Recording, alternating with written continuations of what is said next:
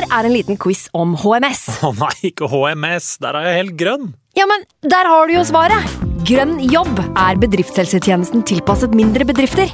Våre HMS-eksperter hjelper mer enn 8000 bedrifter over hele Norge med alt fra lovpålagte HMS-krav til pålegg fra Arbeidstilsynet. Få på plass bedriftshelsetjeneste på grønnjobb.no. Hallo? Jeg kommer fra Oslo politikammer. Ine Jansen er purk. Er du purk? The motherfucking bitch. Alt jeg vil, er å finne ut hva som skjedde med mannen min. Jon Carew. Er jeg sikta for noe? Iben Akeli. Det er du. Ole So, Lars Berrum og Big Daddy Karsten. Hvem sin side er du på, egentlig? Anette Hoff, Tone Danielsen, Kommer du fra Afrika? Jørnis Josef, Nesten. Kløfta. Trond Espen Seim, Det er synd å si det, men det var feil mann som døde. Purk. Premiere tirsdag på TV2 Play. Nå har vi starta. Fantasy. God evening.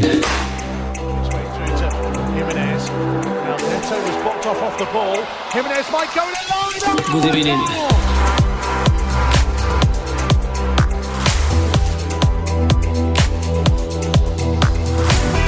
Hjertelig velkommen til en ny episode med Fantasyrådet.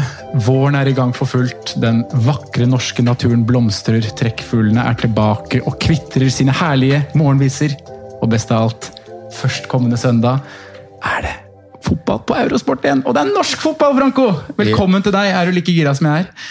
Ikke like gira, men Nei. tusen takk for velkomsten. Og jeg prøver fra sesong til sesong å bli mer gira på Eliteserien. Jeg hadde en periode hvor jeg var veldig veldig gira før, og så dabba det litt av. Og så har jeg gått inn for, som jeg syns alle skal gjøre eh, som Til og med dem som gikk inn og trodde det her var en Fantasy Premier League-podkast, men innser nå at det her er en eliteseriepodkast, dem skal gå inn og altså, Nå skal vi bare, nå skal vi bare man må bare skape engasjement rundt det. Det. eh, jeg, og jeg kjenner det, at det blir bedre for hvert eneste år. Ja, men Så bra. Nå, nå går vi sammen om det. Vi knytter det nære enda nærmere. Vi bare drar det til oss, suger det enda mer inn. Eh, som du sier, alle som trodde det her var en Fantasy Premier League-podkast, kan du da bare gå inn på Eurosport-sida med en gang. Eh, fantasy, eh, opprett lag. Eh, og så har du en fin 15-mannstropp i løpet av den neste timen, halvannen timen. Vi vet ikke helt hvor lenge vi skal snakke, men eh, vi skal i hvert fall snakke en liten stund. Eh, og det er ikke bare deg og meg. Vi har jo en eh, en krabat til. Fliken, Freaken, geeken. eh, Simen, velkommen til deg også. Har du, har du et engasjement? Er du klar? Ja, jeg, jeg, er det, men jeg kjenner på meg i år at det ikke er, eh, er like spesielt som, som tidligere. Først og fremst kanskje med at uh, Kongsvinger har gått ned i, i ja, Hva kaller man uh, på storbredden. Sondre? Det, det er nede på dette nivået, Sondre. Ja, Post Nord er nede på mitt, nei, eller Kongsvinger er nede på mitt nivå nå.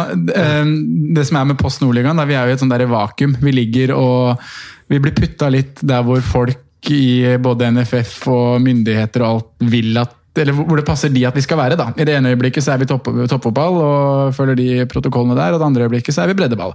Så vi ligger liksom og mm, vaker litt i midten der. Men eh, ja, det er lang vei opp for Kongsvinger hvis vi skal snakke Eliteserien, i hvert fall. Ja, så, liksom, så, så det krever på en måte ikke like mye til seriestart som norsk fotball, men jeg gleder meg jo til Eliteserien, og jeg tror det blir en ganske spennende sesong. En litt mer øh, åpen sesong, selv om Molde har nok favorittstempelet øh, ganske godt plassert. Nå har jeg faktisk ikke sjekka oddsen på det, men jeg har de som liksom ganske ok favoritter. Men jeg, jeg føler liksom det er en tre lag hvert fall som eh, absolutt skal være med å, å gi de match. Så får vi se, se til slutt hvem som står igjen som sterkeste. Og så er det jo som alltid eh, noen klubber med litt kaos, noen klubber som skulle gjerne gjort mer enn det de har gjort, og i tillegg så har det jo vært en evig lang oppkjøring og umulig nesten for, eh, for folk å få informasjon om hva klubbene driver, driver med, med tanke på å få treningsmatcher spilt, lukkede treninger og den hverdagen de er i. Så, så jeg tror det er veldig mange som gleder seg og er egentlig veldig usikre og uvitende om hva som faktisk møter oss eh, allerede til helga.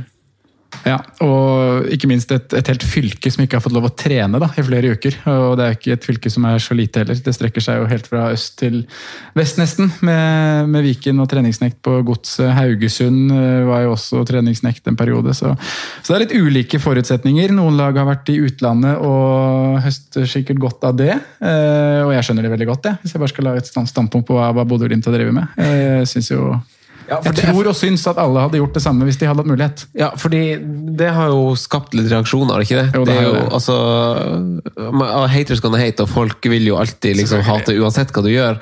Eh, men eh, men eh, det fikk jo ganske masse kritikk at de reiste til Marbella eller hva det var for å trene. Ja, de gjorde jo det. Og det var jo også uh, trenere med, med gode Dag Eilev i spissen her da, som skulle ut og boikotte uh, treningskamper mot Bodø-Glimt og, og sånne ting. Så det er jo, det er jo fantastisk, syns jeg. Det er artig at det blir litt sånne Skapes litt rabalder. Ehm, så blir det spennende å se hvor store forskjeller det er da, når det, når det sparkes i gang på søndag.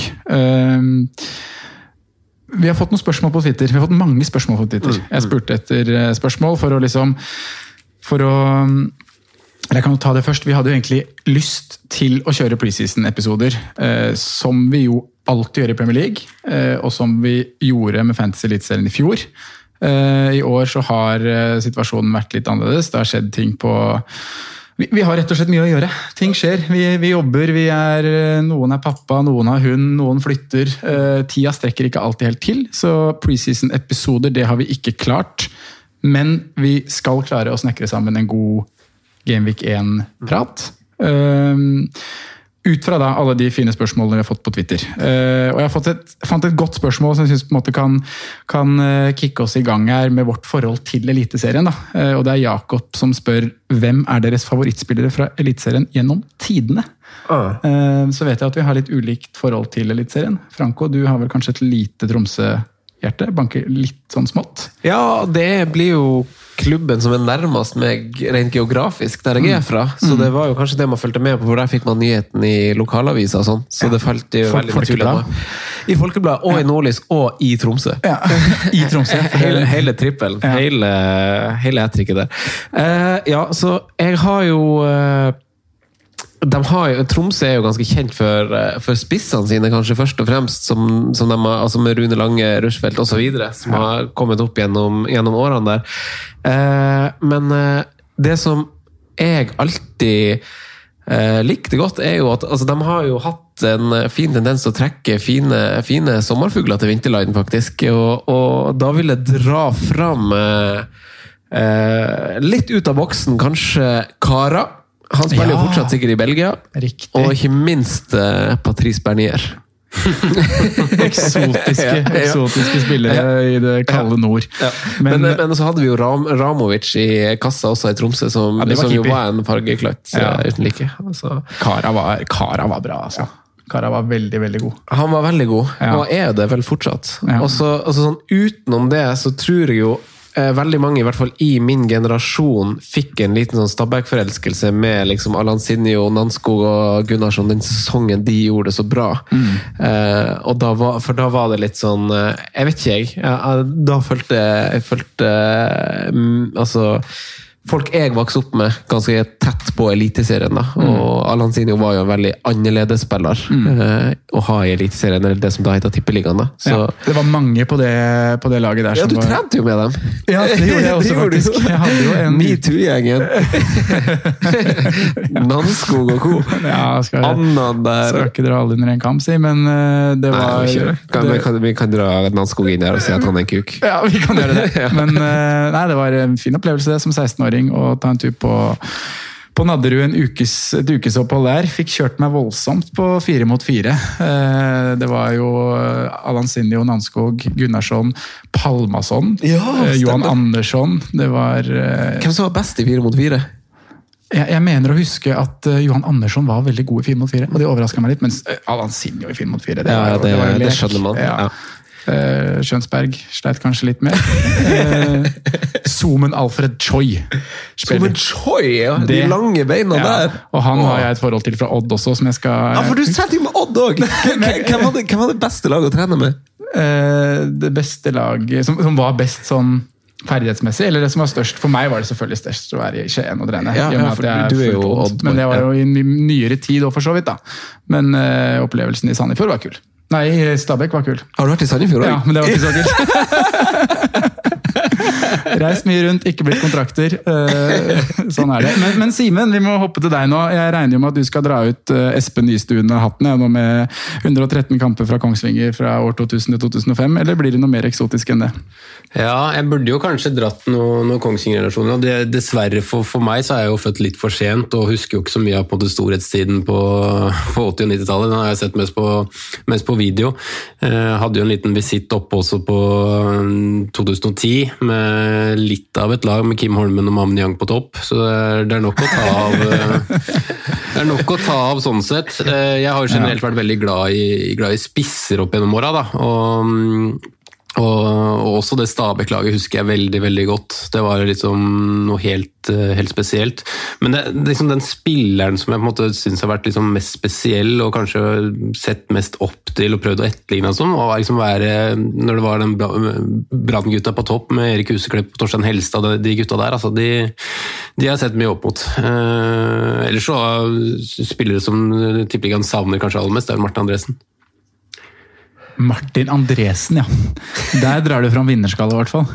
Det, der, det, det klippet med han og Jeg husker jo ikke hvem det var, men det var en Stabæk-spiller hvor det er noe klyping på nipler, og han vrir jo nesten de niplene til eh, Jeg husker ikke hvem den situasjonen var med, men det er jo 360 på niplene der. Ja, Martin Andresen var fin, han. Den er spesiell, og så hadde jeg også et veldig eh, kjært forhold til Tariq også, i den elleville Fredrikstad-sesongen. Men er det, litt fordi, er det litt fordi Tariq var litt deg som spillertype, eller i glansdagene på, på Grue, Ja. Eh, Jeg vil vel ikke si det, men det var kanskje en jeg ønsket å være. Kanskje. Men ja. nei, jeg var nok mer eh, hva skal jeg si, ja? Var det mer en eh, middels rask kant som hadde lite, mål, lite målteft, men jeg var vel aldri noe blendende god på, Men, på noen ting. men, men Simen, du ganske, du har jo ganske god eh, Du har jo ganske god touch og, touch og fot og sånn, så du må jo ha vært en eh, liten ramp på kanten i vinger, tror jeg. Ja, men det ble jo aldri noe mer Første enn støv av de futsalfotene der, så, så, så er du der.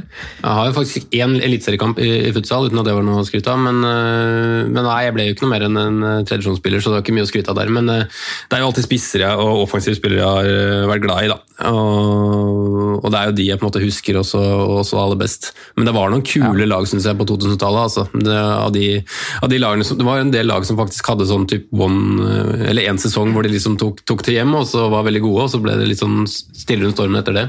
Så det, det er jo å huske de lagene, men det laget som man husker best, er jo det Stabæk-laget. Det var jo helt, helt fantastisk. Ja, man gjør det. Men jeg fikk også noen gode, gode minner fra Når du snakka om Brann der og Helstad Huseklepp, så begynte jeg å tenke på de her gutta de hadde. Uh, Robbie Winters, Charlie Miller. Det var mye sånne der, uh, skotske pubkarer der som uh, entra matta med halvliteren i hånda nesten, men som leverte veldig bra når dommeren blåste i fløyta. Ja, Charlie Miller var var fet, altså. Ja, han var fet. Han var rett og slett fet. Men uh, for min egen del, da, så er det jo som jeg sa, jeg må, jeg må jo bare komme meg til, med til Skien. Jeg har jo Anders Rambekk. Anders Rambekk, morsom historie. Det tror jeg jeg fortalte når vi hadde Det er ikke morsom historie, men det er en fun fact. eller det er en fact. Første skåringa jeg så live eh, med Odd, for jeg så, har sett veldig mange Odd-kamper live. Fra 2001 egentlig starta det vel. Eh, Men han skrudde inn første målet. Anders Rambekk, første skåring jeg så live på Falkum. Ja, jeg husker han, men husker ikke målet. Nei, det skjønner jeg veldig godt. da husker jeg Jan Åge Fjørtoft satt på benken for Stabæk på en bruskasse ved siden av benken. Fikk ikke plass på, på, på selve benken der. Men eh, jeg har jo notert ned flere navn som jeg må nevne i en sånn eh, Hall of Fame eliteseriespiller for meg. Uh, Stuttjukken er jo en av de. Hvem? Stuttjukken. Holtan. Er det et kallenavn? Ja, Holtan. Ja, Holtan, Bra, bra. ok, ja, ja, ja, Keeperen som ja. spiser wienerpølser fra tribunen, holdt jeg på å si. Supporterne kaster de ut, og han, han spiser. Eh, Han sto vel mot Juventus, han gjorde ikke det? På Kongsvinger, ja. Ja, det, det- kan det, det kan godt hende han gjorde, altså. For han Jeg har jo mener det var spilt han i. Kongsvinger. Ja. Så det var på en måte keeperen som sto i odd når jeg begynte å følge de. Så han var med. Eh, Men så har jeg tre navn som på en måte er veldig close med å ta det favorittspillet gjennom tidene. Det er øh, Vi kan starte en forsvarsspiller. Da har du Per Pelle Nilsson. Ja. Pelle Nilsson. Gå inn på YouTube, søk Pelles kanon, og se det lille klippet der av, av svensken som kom til Odd. Eh, spilte midtstopper. Når var det? For han var god på FM eller CM. Ja, jeg tipper det her var sånn 2004. 2005. Ja, ja, ja, da var han, Ja. er FM-fyren. Ja, det var han FM-fyren. Gikk videre til Hoffenheim. Ja, Ble riktig, solgt for det var skjønner, skjønner. fulltallige millioner. Det var my mye penger for Odd den tiden. Det gjorde så vi kunne hente Spynek Porsbekk. Eh, spissen fra Tsjekkia som eh, skårte to mål. Et av de var fra midtbanen, men eh, ikke noe mer enn det. Per Nilsson, søk på Pelleskanon på YouTube. Nummer to som jeg har skrevet ned, Fernando di Ornelas. Kom fra Venezuela til Skien. Eh, vært innom utallige klubber mellom det. Eh, er fortsatt i Skien. Jobber som prest. Til med trener på et eller annet fjerde-femte divisjonslag. Fantastisk spiller. Drakt nummer to, og offensiv midtbane. Eh, dominerte på Falkum, altså. Dæven, det, Veldig- det var en koselig historie òg. Ja, og veldig fin, fin spiller. Fin mann. Eh, jeg burde hatt med Zoomen på lista, han hadde jeg rett og slett glemt. Men han også var en favoritt. Men uh, nummer én blir Edvin van Ankeren. Oh, ja! Og det er jo min første Odd-drakt, var med Edvin van Ankeren på. uh, så det er litt, uh, litt historie der òg. og han var, han, var bare, han var bare bra. Han var bare kul. Han bare skåra mål. 4-3-3-systemet. Eh, Edvin van Ankeren, Martin Wiik, Espen Hoff. Det, det funka bare bra, det. Likte det.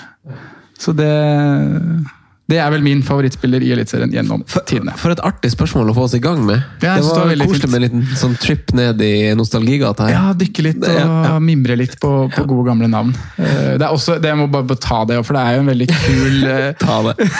på Edvin van Ankeren. Han har jo spilt inn en låt. En, en nederlandsk fotballsang om seg selv. Ja. Så uh, gå også inn på YouTube etter du har søkt og sett øh, Pelles kanon. Så går du inn og så søker du bare Edvin van Ankeren, og så får du opp uh, det, det øverste filmen du finner. Da er det Edvin van Ankeren som synger på nederlandsk om seg selv. Mitt navn er Edvin van Ankeren, la la la la la. Ok. Dårlig og fin sang. Men- Dårlig og fin sang. Jeg Ja. vet ikke hva det sier om han. Nei, det var bare Hvis, hvis, hvis, hvis, hvis liksom det sangen liksom starter, med- starter med at han sier navnet sitt Ja, det er, det er noen strofer der først, men det er på nederlandsk, og jeg skjønner ikke kvekk av det. Men, Nei, Nederlandsk høres ut som faktisk man snakker baklengs. Ja, det gjør er faktisk det. Jeg hadde jo Bent Inge Johnsen som trener i Eidsvoll Turn. Det var han som tipsa meg om den låta. Ja, for Han hadde funnet en CD i CD-hylla til Edvin van Ankeren en gang de drakk pils etter en kamp i Skien. Men over til Fantasy. Ja. Eh, ja. Vi må snakke om det òg. ja. Simen, vi kan jo starte litt hos deg.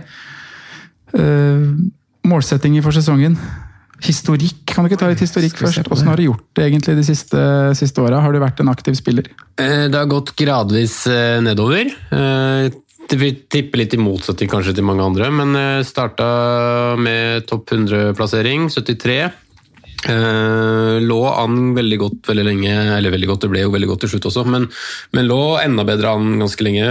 Var innom topp 10 så vidt det var, et par runder før, uh, før slutt, og så tok jeg et par sjanser for å prøve å ta hele greia. Eh, ble 3-17 år etterpå, så det var liksom de to gode sesongene mine, og så har det vært ganske begredelig med 5005 og 2-4 de to siste årene. Så, men jeg har spilt ganske aktivt, men eh, i 2019 så ga jeg opp nesten halvveis. Eh, Men det var rett og slett pga. plassering og ikke noe, ikke noe annet. Har, eh, har interesse med å følge med. Eh, Så vet jeg egentlig ikke helt hvorfor det har gått gradvis, gradvis dårligere. En, en årsak er vel kanskje at det er mer, flere gode spillere å kjempe mot. En annen, en annen årsak er vel kanskje bare rett og slett flaks ene året og litt mer motgang andre årene, kanskje. Eh, Det er jo ofte litt sånn det er. Man ender i en bølge eh, som drar deg oppover. Da. Litt sånn spennende også at den sesongen jeg hadde best plassering, er den, eh, den sesongen hadde minst poeng. Så Si litt om nivået. Litt sånn spesielt sånn sett. Da. Men ja, så målet må jo på en måte være topp 100 når jeg har vært der.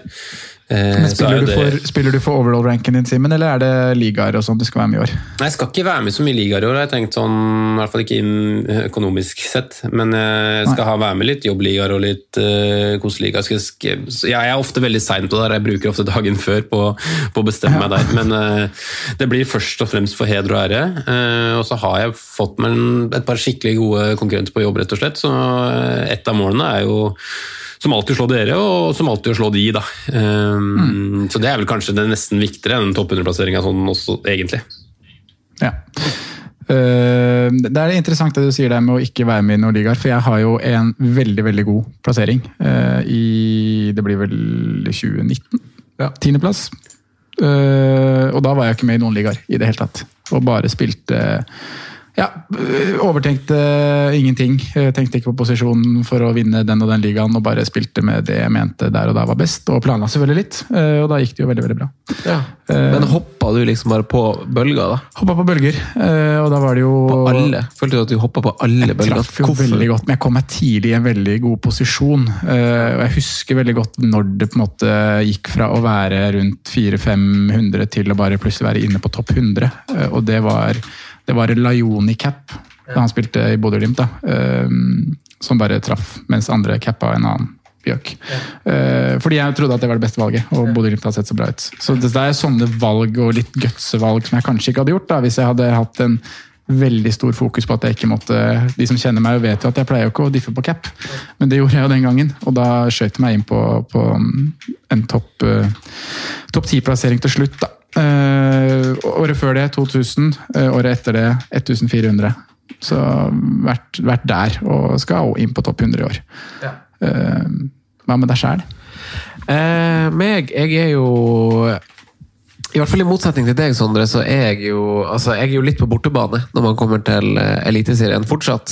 Eh, så jeg er jo så- altså, han, Nicolay Ramm, når han var på besøk hos oss og skal snakke fantasy i Premier League, så er, altså, jeg tar, altså, han påtar seg den rollen å stille uh, de spørsmålene som kanskje den litt mer mediokre spilleren lurer på. Så jeg kommer jo til å ta litt den rollen. Uh, og husker vi spilte inn preseason-episoder i, i fjor, Sondre. Og jeg var jo litt som Bambi på, på glattisen da. Men, uh, men eh, det, altså Målet mitt er liksom å komme et sted mellom 1000 og 2000, eh, og så har det egentlig gått bra. Eh, første sesongen i 2017, 130. plass. Eh, og så var det 2018, da husker jeg at da var jeg jo på ferie i sånn ti av rundene eh, på Sri Lanka. Bryllup. Og på, på det hotellet så funka ikke eh, eliteserie altså, da, da bare, altså sånn, Det funka bare ikke på det nettet. The box in the basement was Ja. broken. Eurosport og den funka ikke. Så, så da gikk det liksom fire runder hvor jeg ikke fikk gjort noe som helst. Eh, og så i 2019 så er det 1500-plass, og så i fjor er det 431. Eh, og det er jeg jo veldig fornøyd med, egentlig. Altså, hvis, jeg, hvis jeg er på tresifra, så er jeg veldig veldig happy. Og jeg, jeg skjønner jo at eh, altså, altså vi, vi snakker jo Premier League primært, for det følger vi alle tre veldig veldig tett. Og jeg er jo veldig imponert, må benytte muligheten til å snakke om Fantasy Fans og Fantasy FK. og, eh, det er jo de to jeg har prøvd å på en måte hørt på nå. De har jo podkaster som er veldig veldig gode. Syns jeg gjør veldig masse god research på preseason-materiale. Og så er det jo andre minus fire-podkasten og bonuspodkasten. Så, så det er masse materiale der. Veldig mye. Og det er så- veldig mye godt materiale, som ja, du sier. Så derfor tenkte jeg liksom nå at jeg kan ikke liksom gå inn i materien på samme måte når de har gjort det så bra. Så, så jeg må være litt den Hvis vi skal gjøre noe litt annerledes i dag, så må jeg påta meg den rollen som, jeg, som er litt mer sånn casual. Så deilig, det, det er ikke sikkert det er en så dum på en måte, strategi eller taktikk heller, da. Å på en måte bare være litt mer laidback. Gå litt eh, rett og slett for magefølelse der andre overanalyserer data og, og tall og rapporter fra trening og rapporter fra materialforvalteren og broren til materialforvalteren etc. Eh, så det kan, jeg, jeg, jeg har litt mer troa på at det kan, eh, det kan også være litt positivt, og ikke være for inn i det. Ja. Jeg eh, er helt enig i det. Eh, Og det er bra du, bra du drar opp det her med, med hvor mye god info vi har der ute, Franco. For det er som du sier, veldig mange flinke folk som lager veldig mange gode podkaster. Vi har lyst til å lage en podkast om Fantasy Eliteserien, vi òg, fordi vi syns det er gøy. Eh, Og så, så kommer det nok ikke til å bli noe sånn eh, revolusjonerende herfra i dag, men vi har lyst til å drøfte litt rundt de samme tingene som de selvfølgelig har drøftet rundt, og så er vi litt nærmere seriestart da, enn det har vært i de tidligere podkastene som er spilt inn. Så vi håper kanskje at vi har litt annen info, har noe, noe news å komme med der. Så mm, Men skal du kjøre noe Patrion-opplegg i år? ja, jeg har tenkt det. Ja, okay, ja. Eh, Jeg tenkte jeg skulle lansere det litt eh, mot slutten, egentlig, men jeg kan jo ta det nå. Det blir Jeg sa det faktisk på Patrion i dag òg, for de som er patrions allerede, at det kommer til, som i fjor, å bli sporadiske episoder. Eh, mellom hver runde, om det er lengre episoder, kortere episoder, Q&As, egent lag. Sånn, sånn småting. Så hvis man har lyst til å ha mm, fast eliteserie nå fra oss, så må man på Patrion. Ja. Hvis ikke så er det også masse bra andre plasser. Ja, Da- det er det. Ja. Men du nevner jo Fantasyfans, og Espen Nesse er jo en, en veldig habil og meget dyktig både fantasy-spiller og podkaster. Han spør oss et godt spørsmål, syns jeg. Hva, eller hvor forskjellig er tankesettet fra Fancy Premier League til Eliteserien? Du var litt innpå det nå, da, Franco, med din holdning til det. Så jeg ja. vet ikke hva du tenker om det, Simen. Har du gjort deg opp noen noe mening på akkurat det der? Uh, jeg jeg syns poenget til Jonas i, uh, i Fantasy FK kanskje er det aller beste eksempelet med at uh, man kan ikke følge altså når, de, når han prater om prissetting og prismodellen på en måte i Eliteserien Fantasy, så kan man ikke bruke den samme modellen fordi noen av spillerne på bunnlagene er faktisk så mye mer verdt enn hvis du skulle fulgt det slavisk. Da. At, uh, at, det handler mer om spillere uh, noen ganger enn på en måte lagene de, de spiller for. Uh, at liksom Nå kommer jeg ikke på noe eksempel i hodet, da skal jeg bare se om jeg klarer å filtrere det ut her. Men hvis man sier Botheim. Hæ? Han, han, Botheim. Han burde ikke ha kosta mer enn Nei. fem, basert på hva han har prestert i Eliteserien. Ja, deilig ute med, saga, ute med saga tidlig, det er godt. ja, ja, men sånn, Det er jo ikke noe imot han i det hele tatt. Det er jo Nei, men herregud, altså, Han har jo ikke levert et kvekk i Eliteserien, egentlig. Han eh, spilte tolv eller hva faen det var matcher for Stabæk i fjor, og eh, var jo ikke i nærheten av 16-meteren. Ja, men så må han jo bli prisa til ti i Bodø-Glimt, fordi man kan ikke det blir jo en sånn uh, hack. Riktig. Og, ja, altså, og det, er ikke, det, er ikke, bare sånn liten hack, det er ikke bare sånn, sånn som man opplever det i Premier League, for det er jo masse færre lag og færre mm. kamper. sånn, Det kommer til å ha altså, sånn, det er masse enklere å stable en elver hvis du finner én sånn hack, ja. som det har vært et par sesonger nå. Ja. egentlig. At du har funnet en sånn random spiller som bare koster veldig lite, og Glimt-spillerne har jo vært et eksempel på det. det har de i hvert fall unngått i år. Ja, ikke sant? Det er nettopp det. Mm. Altså, så det, ja. det, på en måte poenget, det gjør på en måte at balansen blir på en måte en helt annen. Og da blir på en måte tankesettet automatisk en helt annen også, fordi at det er ikke en sånn naturlig balanse som jeg føler kanskje er mer i Fantasy Premier League. da. Eh, jeg føler det på en måte er litt mer sånn eh, det blir kanskje feil å si det, men altså, man sitter hele tida med, med, Man kan endevende på laget eh, og sitte liksom med, med ca. like lag. Det er en balanse jeg ikke føler Jeg er veldig usikker på om jeg treffer balansen. da. Med hvor, både hvor internt på laget mitt jeg skal plassere midlene, og på hvilket lag. Og, ja, det, er, eh, det, er, mye vanskeligere ja. å sette opp laget i fantasy eliteserien. Mm. Ja, for Den er kanskje litt enklere i Fantasy Premier League, som du sier, hvordan du balanserer pengene. ved å ha, Du må ha liksom en toppdog i hvert ledd for enkelt å flytte midler og, og sånne ting. Det, det, ser litt annerledes ut i Eliteserien. Uh, og en annen ting som jeg tenker veldig på når det kommer til det med tankesett, er, er all den informasjonen vi sitter på i Eliteserien det er så nært, da. Så du har så mange du har så mange infokilder som er så sinnssykt nærme både ja, spillere og som du var inne på. Du, du tulla jo litt med det i stad, liksom at en kompis kjenner fysoen til eh, Kristiansund, eller du har en, eh, en tante som eh, jobber på samme kafé som tanta til Fredriks Krokstad i Lillestrøm. Liksom. Sånn, sånne eksempler får du i Eliteserien, og da kan du få info. Mm. Uh, og det gjør at planleggingsbiten for meg har vært roligere, fordi jeg har tett opp mot deadline tatt veldig mange avgjørelser basert på info vedrørende skader. Uh, han er på uh, noe der som han kan ikke være med i troppen. Du har masse sånne ting du får vite rett før deadline, som gjør mm. at planleggingsbiten faller bort. Så det er en stor forskjell i mitt tankesett, i hvert fall fra Fantasy Premier League til Fantasy Eliteserien.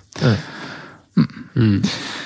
Og så er, ta, så er liksom det statementet også bare bitte litt utvaska nå i starten, med tanke på at nå er det jo færre lag å velge mellom, så lagene blir jo faktisk ganske like fra seriestart i år. Uh, ja. Men uh, utover så tror jeg vi får større spredning. Ja, jeg håper i hvert fall det. Uh, så er jeg sånn redd for at de kommer til å sitte med de sju-åtte samme folka, og så er det, er det en, en diffespiller i hvert ledd som skiller oss. Men vi, vi kan håpe at det utvikler seg mer enn det. Vi har en veldig spesiell åpning. da. Du nevner det jo, Simen, med, med, de lagene som spiller. Uh, har du lyst til å ta en liten, uh, liten runde på hva som skjer?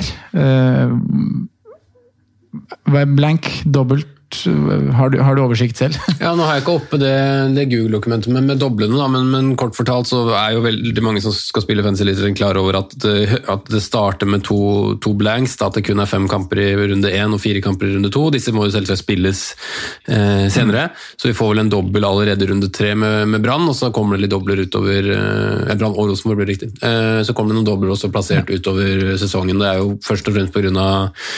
Eh, utsettelse og start av preseason. Noen har fått innvilga det.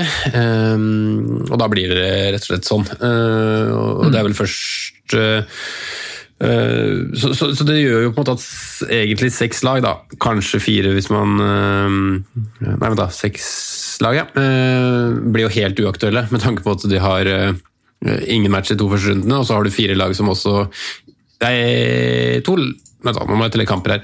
Uh, To lag til som ikke har også Ja, kamper du, i du, runde to. du har rett, Simen. Ja. Du har rett. Jeg, måtte, jeg hadde ikke forberedt akkurat tallene på kampene, så jeg måtte regne samtidig som jeg prata. Det gikk ikke så, så bra. Uh, Men da er det jo rett og slett færre lag å velge mellom, og det er jo egentlig bare åtte lag som, som har kamp, kamp i de to første rundene. Og det er jo de som man kommer til å plukke 95% av de gjeldende spillerne fra.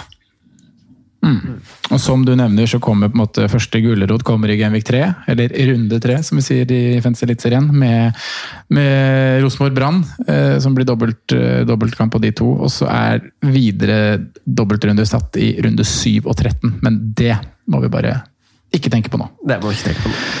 Rak, Eh, rakne på tidlig wildcard uansett. Rakne på et tidlig wildcard uansett. Det er riktig, Franco. Ehm, Jeg tenker bare at vi, vi kjører en liten jingle nå, og så hopper vi i eh, en hoveddel etter den. Vi skal på en måte ta, dekke tre bolker i hoveddelen. Eh, Jeg ser på klokka at det kan bli lang episode. Så håper folk, er, eh, håper folk har lyst til å lytte. Vi skal i, i del én eh, snakke litt om eh, de fire store, om vi kan kalle det det. Molde, Bodø, Rosenborg og VIF. Lagene vi har fått flest spørsmål om. Eh, I del to skal vi utvide spekteret. Vi skal gå gjennom både keepere, forsvarere, midtbaner og angrepsspillere. Utover de lagene, da, er det andre også vi, vi kikker til. Eh, og i del tre så blir det litt spalter. Eh, ja, du skal, du skal droppe årets overraskelse i Eliteserien, Franco. Ja, Simen skal uh, droppe årets uh, styr unna. Så um, vi hopper i en jingle, og så er vi i gang. Ja. Eh, Molde, Bodø-Glimt, Rosenborg og Vålerenga er vel de fire lagene som flest har på topp fire på sitt tabelltips i årets eliteserie.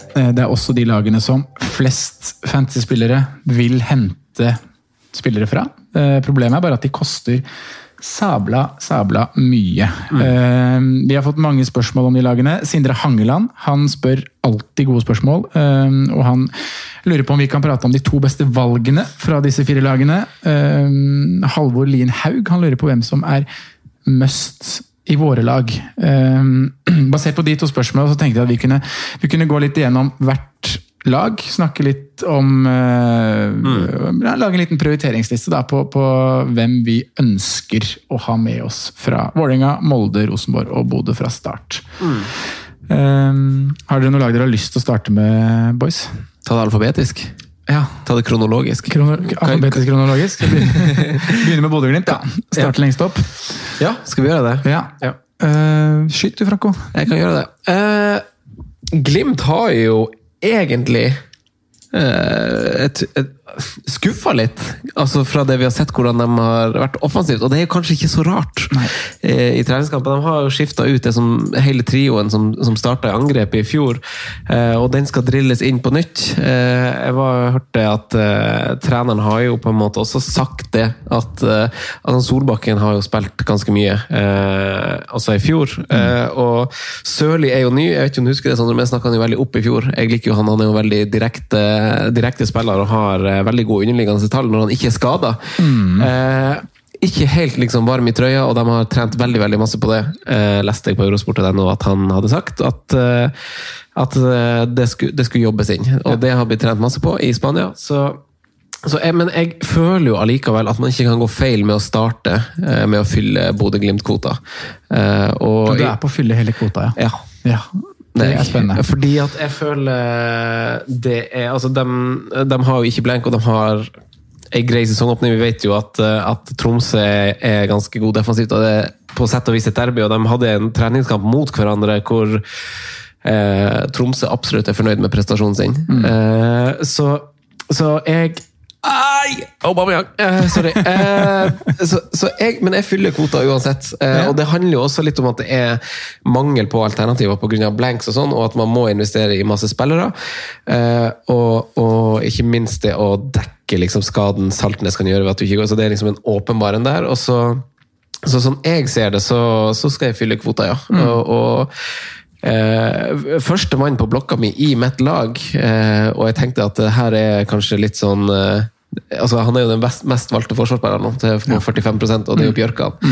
Eh, som, som man på en måte eh, ikke skjønner hvor bra har prestert, fordi man har måttet fylle Bodø-kvota på andre måter i tidligere sesonger. Eh, hvis man hadde, kunne hatt flere spillere, så ville man ha hatt Bjørkan på laget. Så, så Bjørkan og Saltnes syns jeg jo er strengt tatt musts eh, ASAP Rocky. Eh, men jeg har eh, jeg, altså, jeg har jo foreløpig også Sørli på laget. Uh, han har jo tatt en straffe i preseason. Uh, det er jo ikke skrevet i stein at han skal ta dem, men, uh, men jeg syns også som sagt han er en direkte og fin spiller, og han kommer jo til å få sjansen og skal drilles i den rollen. Ja, veldig, veldig bra. Jeg, jeg, for å ta det med straffene på, på Sørli der, så har jo treneren sagt at det, det er rett og slett en liten sånn rulleringsgreie på straffer.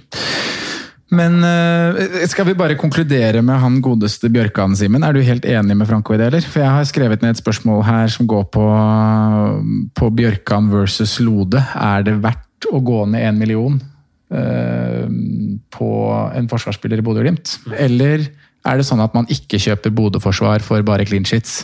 At man også vil ha med noe ekstra? Vi vet jo det at Bjørkan er en spiller som som uh, har mye touch i boks, kommer ofte rundt. Uh, Lode er bra på langskudd, da.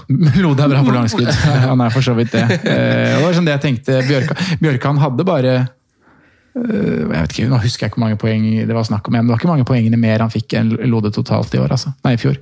Så, men hva er din konklusjon? Jeg, jeg støtter jo, jeg har jo konkludert med at Bjørkan skal med, jeg også. Hva er dine tanker der, Simen?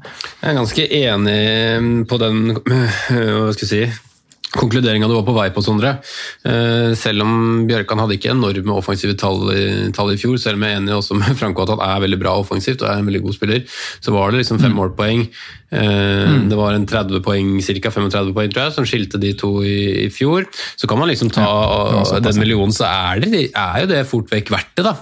Uh, vil jeg jo si. På en sesong det er et uh, snitt et poeng mer per runde, så jeg vil si at det er verdt, verdt en million. Men jeg er egentlig veldig usikker på om også Bjørkan kommer til å være verdt det. da. Jeg tror kanskje ikke Bodø-Glimt får en like sterk sesong i fjor. Det må man kanskje ikke være rakettforsker for å forstå heller, men, men da skal det ned i antall cleat sheet. Du skal kanskje ned en um, minimum, kanskje en 20 mål uh, totalt. Færre mål å på en måte få assist, assist på.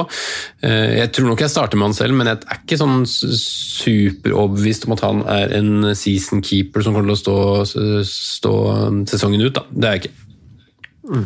Nei, og jeg, jeg følger jo følger deg til dels på det der, og jeg er også veldig spent på Bodø-Glimt. De skal erstatte sinnssykt med målpoeng.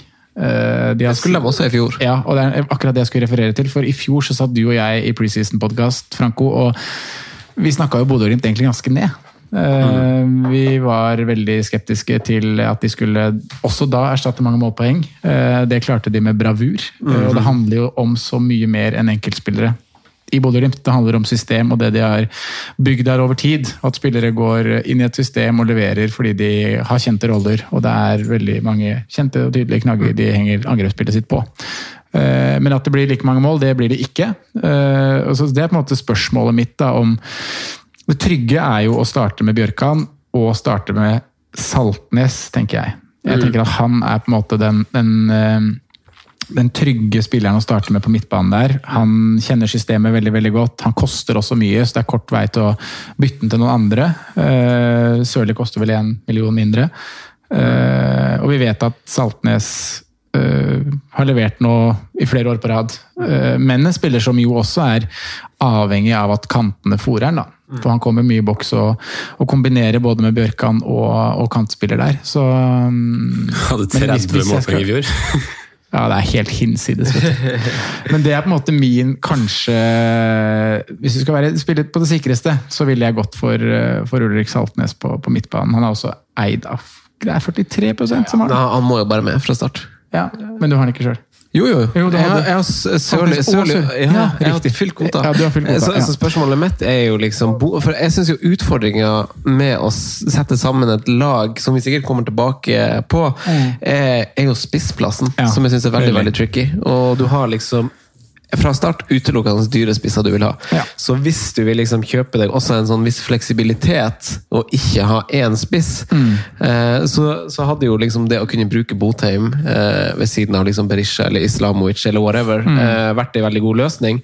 Eh, men eh, jeg syns eh, altså, hva, hva tenker dere om Botheim, da? Altså, sånn, for det løser jo masse som sagt, med fleksibiliteten i laget.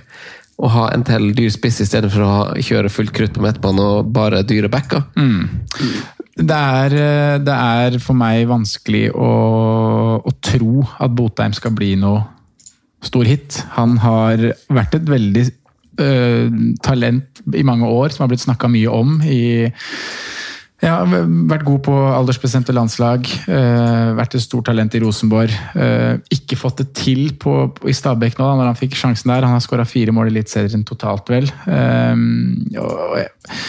så jeg er på en måte skeptisk på bakgrunn av at han ikke har vist at han er den avslutteren som mange som har fulgt han tett, sier at han er. da. Mm. Men hvis han viser seg å få den selvtilliten han trenger, eh, og det ser jo ikke ut som han mangler selvtillit heller, for så vidt. Hvis han, hvis han får det, den forløsende skåringa kommer i gang, så tror jeg at han kan putte bra med mål i Bodø-Glimt. Han kommer til å få bli satt opp. Men eh, jeg tror ikke jeg tør det fra start. Nå var han vel tilbake og spilte sist treningskamp, for han har vært litt ute. Så det var veldig bra for han og for Bodø-Glimt. For jeg tror ikke varianten med Moberg som spiss hadde vært så suveren. Eh, Hva tenker du om Botheim, Simen? Nå har vi vel egentlig sagt at det er Bjørkan og Saltnes som er de to å gå til til eh, Bodø, men eh, er Botheim en potensielt joker? Ja, For meg så handler det egentlig mest om altså Jeg er helt enig med Frank om at man skal fylle kvota på Bodø-Glimt. Så for meg handler det egentlig bare om tre offensive, eller om jeg skal ha med en forsvarer. Eh, Jeg tror det skal mye til for at jeg starter Fantasy Eliteserien uten Botheim på topp. Altså. Det tror jeg ikke, ikke, ja. jeg, ikke jeg tør. og jeg jeg har liksom en feeling på at um, Bodø-Glimt blir veldig bra i år også. så De, kan, altså, de har såpass uh, stort rom da, for å bli ganske mye dårligere, men fortsatt være ganske gode. Uh, og så er det noe med, med den der evnen de har, da, som, som du var inne på, at de klarer å, å gjenskape gjenskape suksess, da, selv med nye, nye folk. Eh, Jeg syns jo i fjor at det ga mening når de kjøpte eh, Kasper Junker. Jeg syns også det gir veldig mening i år når de henter Sondre Sørli og, og, Erik Botheim, egentlig. Eh, Spillere som på en måte har mye uforløst, og du så jo tallene til Kasper Junker også før han var i Bodø-Glimt. Mange mål han hadde gjort. Eh, Det samme egentlig med Sinkernagel. så... Ja, nei, jeg er veldig, veldig troa på Botheim. som Selvsagt er prisen stiv, men jeg har liksom en sånn dark horse på han som toppskårer i år. Mm. Ja, jeg kan forstå det, altså. Eh, Og det er gode argumenter du kommer med. Men jeg, har lyst til å utfordre litt på det med å fylle kvota offensivt med tanke på motstand. da. Eh, Tromsø, som vi vet har vært gode defensivt i Obos-ligaen i fjor og i treningskampen i år. Eh, Uten Simen Wangberg? ja, det er det som er spørsmålstegnet, da. KBK borte, det er jo aldri noe lett kamp. Et lag som er solid defensivt, sånn i bunn og grunn, og har et godt fundament. Eh, og så Rosenborg. Eh, runde tre der. Dere, dere syns det stinker såpass med mål liksom, at dere har lyst til å fylle jeg snakker 30 millioner, da, nesten. Ja, det er sant, det. Man gjør det, vet du. For man, Nei, er prater, 25. eh, man prater 10,5, 9,5 og 10 blank, så man prater 30 millioner blank, faktisk. Og, og jeg skjønner veldig godt, jeg er helt enig. Det er jo den, den styggeste matchen egentlig, tror jeg er den KBK borte i runde to. Eh, Så går det an å på en måte skissere en nødplan med Islamovic for Botheim i runde to også, hvis man på en måte har lyst på å prøve en gamble i runde én. Mm. Men uh, Bodø-Glimt kommer til å skåre mye mål. Jeg, er liksom, jeg er mer sikker på at de kommer til å skåre mye mål fra start enn jeg er for på Molde. Eh, og Det er de to lagene jeg tror kommer til å skåre, mest. Og så er vel kanskje Vålerenga og Rosenborg som på en måte utfordrer de. da. Rosenborg har vel nesten et utprega, eller utsagt eh, ambisjon om at de først og fremst skal eh, være solide defensivt og så bygge fundament på det. Det syns jeg egentlig er en veldig defensiv inngang av, dem. da. Så Nei, jeg, jeg, skjønner ikke hvordan jeg skal klare å tørre å starte uten, øh, uten spissen til laget som var suveren i fjor. Nei, men det, det er fint. Vi har, vi har mye vi skal gjennom, så vi kan hoppe til neste lag. og Det er for så vidt mange navn i Bodø-Glimt her som vi ikke nevner nå. da. Det er Solbakken som, som fikk en del minutter i fjor mot slutten. En annen jeg har lyst til å bare gi en shout hvis Sondre Fett fortsatt skal slite med skader, er Hugo Vetlesen. Som eh, jeg tror kan bli veldig veldig fin, og er billigere da enn de andre gutta her. Fra, fra en indreløper, ja. Ja, Ja. Så jeg følger litt med der utover. Men øhm, skal vi hoppe videre til eh, Vålerenga, da? Oslo. Ja, la oss gjøre det. Eh, for det er jo et lag som kanskje sammen med, eh, i mine øyne, da kanskje Lillestrøm, faktisk. Mm. ser ut som en liten overgangsvinner. Jeg syns Vålerenga har gjort veldig Eller de har ikke henta så mye, men de har gjort veldig gode signeringer, da. Kristiansen, mm. Laioni, få Kjartansson med videre. Eh, det er gode signeringer, og det ser ut som et veldig godt lag der. Ja. Eh, kanskje dra, dra det langt å si overgangsvinner, men eh, gode signeringer har de gjort. og eh, for meg så er eh, de to must haves i Vålerenga de er ganske enkle. Eh, både Borchgrevink og Dønnum er klink i mitt lag. Mm. så enkelt er det bare. Så Borchgrevink på, på en del dødballer. Eh, veldig veldig god sesong i fjor. Eh, Seks målpoeng, målpoeng totalt. Eh, fem assist. Mm. Dønnum ser jo bare bedre og bedre ut for hver kamp han spiller. Hadde, hadde vel 15 målpoeng totalt i fjor. Eh, Åtte av de var skåringer. Nå også på straffer, potensielt. Eh, enorm selvtillit. Skal spille om kontrakt i utlandet, og jeg tror, jeg tror det kommer til å bli veldig veldig bra. Og vi vet hvordan Dag Eile Fagermo organiserer lag. Veldig godt fundament defensivt. Kommer til å holde mange nuller. Eh, Borchgrevink får også lov til å være med offensivt. Kantene er veldig mye involvert. Eh, men så har de også en spiss da, i Kjartansson, som, eh, som også er veldig, veldig fristende å ha med seg fra start. Eh, og som jeg sammen med Sammen med kanskje Eller han er vel kanskje toppskårerfavoritt i mine øyne, altså. Men jeg vet ikke hva dere, hva dere tenker om Vålerenga. Nei, jeg, er i, jeg har de samme mustene som deg. Eh, Jeg hørte jo også episoden av Fantasy FK hvor de har med Borchgrevink som gjest. Ja. Eh, og han, han tar jo frispark og hjørnespark og sånn. Ja. Eh, og, og du vil jo gjerne ha en forsvarsspiller som gjør det. Mm. Eh, og da var det bare å bare sette han der. Forget. Ja.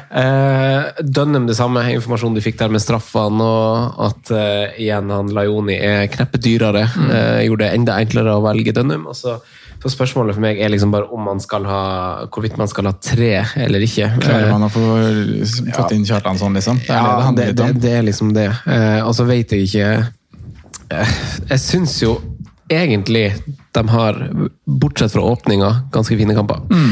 Eh, vil ikke ha for mange i den åpningsmatchen, altså. Nei, du vil ikke det. Nei, Eh, eh, plutselig, plutselig skal du liksom banke inn litt Rosenborg, fordi I hvert fall hvis du ser for deg at du ikke skal bruke tidlig wildcard og skal liksom legge opp til den dobbelen de har, for de har fire kamper på tre runder osv. Men Rosenborg har ikke så fine kamper sånn isolert sett, uansett. Men, eh, men det er liksom Ja, å ha så mange egg i den kurven i den ene kampen der er jo tull. Det er sånn det må bli da, når det er så få lag som spiller. Men eh, det kan bli en trå åpning der på, på Intility Arena. Med, som har seks spillere involvert i, i Vålerenga-Rosenborg. Eh, Laioni da, Simen. Er det en, eh, en mann du sikler på, eller? Jeg har veldig veldig lyst på han, men jeg tror ikke jeg klarer på å prioritere han fra, på laget fra start. Men jeg har veldig, tro, eller veldig lyst på å liksom kunne diffe der, og sånn, men jeg tør jo ikke å ta Dønnum. Jeg har skissert at jeg kanskje har lyst på en trippel Bodø-Glimt.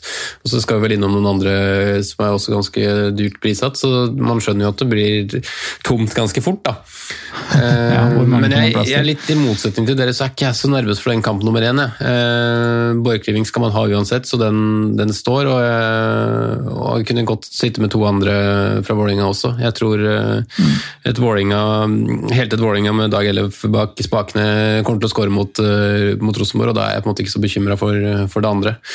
Eh, så er jeg liksom Kjartansson er jeg veldig skeptisk, skeptisk til til 11,5. Han har også fått en ganske god utfordrer, syns jeg, i Henrik Udal. Ehm, så får Ja. se hvor mye han Om han på en måte er fast hele sesongen. Jeg er ikke så sikker på det. Så um, Jeg så det florerte med at mange skulle spille på Kjartansson som toppskårer på, på, på oddsen. Eh, det ville holdt meg langt unna. Ok, ja, jeg, jeg syns jo Henrik Udal er jo en bra spiller, det. altså. Og jeg har sett han mye både i Obos-ligaen og i Post Nord-ligaen. og Han, er jo, han har jo på en måte tatt voldsomme steg ganske kjapt. Eh, Så, så sånn sett så tror jeg ikke han er Det er jo veldig kult at han kommer tilbake til, til Østlandet, Oslo og Vålerenga og alt det der, men eh, jeg tror nok veien for han til å utfordre Kjartason er lenger enn man kanskje tenker. Eh, Så jeg tror det kommer til å bli mye spilletid på på Kjartansson, men han, jo, han, Udal han tilbyr jo på en måte noe, noe mer, da, så de kan legge om kampbildet litt og operere med begge to hvis, hvis det trengs. Eh, men det er en veldig spennende signering, det er jeg helt enig med deg i. Men eh, jeg syns også prisen 11,5 er Det er mye da å betale for en, for en spiss, egentlig. Så jeg får, jeg får ikke plass. Jeg klarer jo ikke det Nei, det er vanskelig. jeg Det, nei, det blir jo sånn med den åpninga som er i Eliteserien, det er jo vanskelig. Ja. Det blir jo på en måte totale kurven med, med Vålerenga. Han, var et spørsmål til dere, Ja, som, det- som hvis jeg skulle påta meg den nubrollen. Ja. Altså, for han hadde jeg jo innom på laget mitt i fjor, Eh, for han var jo veldig god. Det må du, ja, for det må du ha fått bra poeng med. Ja, ja det gjorde jeg veldig fort vekk, tror jeg. Ja.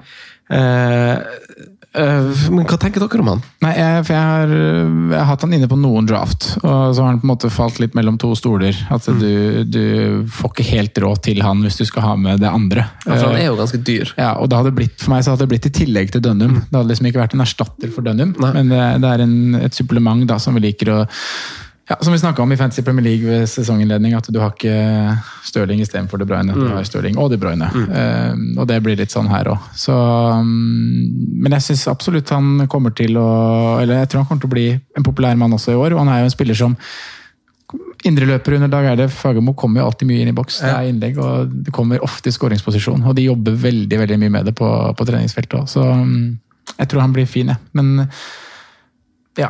Ikke noe jeg kommer til å gå med fra start, men eh, noe jeg fort kommer til å kaste meg på hvis jeg ser at han opprettholder den formen han hadde i fjor høst. Mm.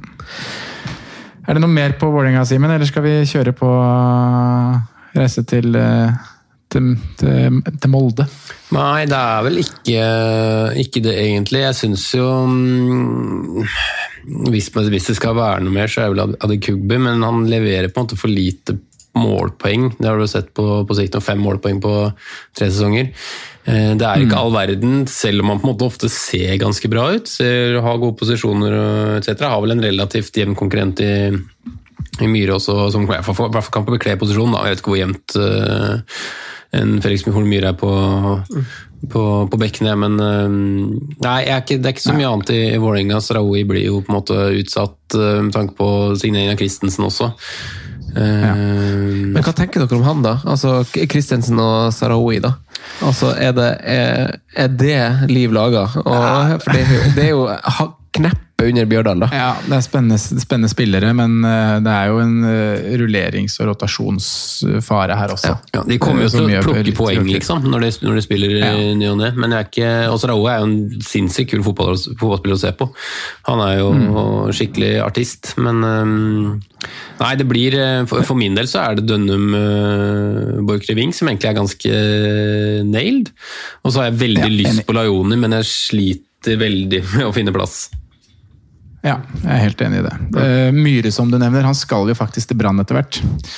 Eh, der er det jo en eh, signering i boks. Det er vel til sommeren. Felix Horn Myhre drar til Bergen.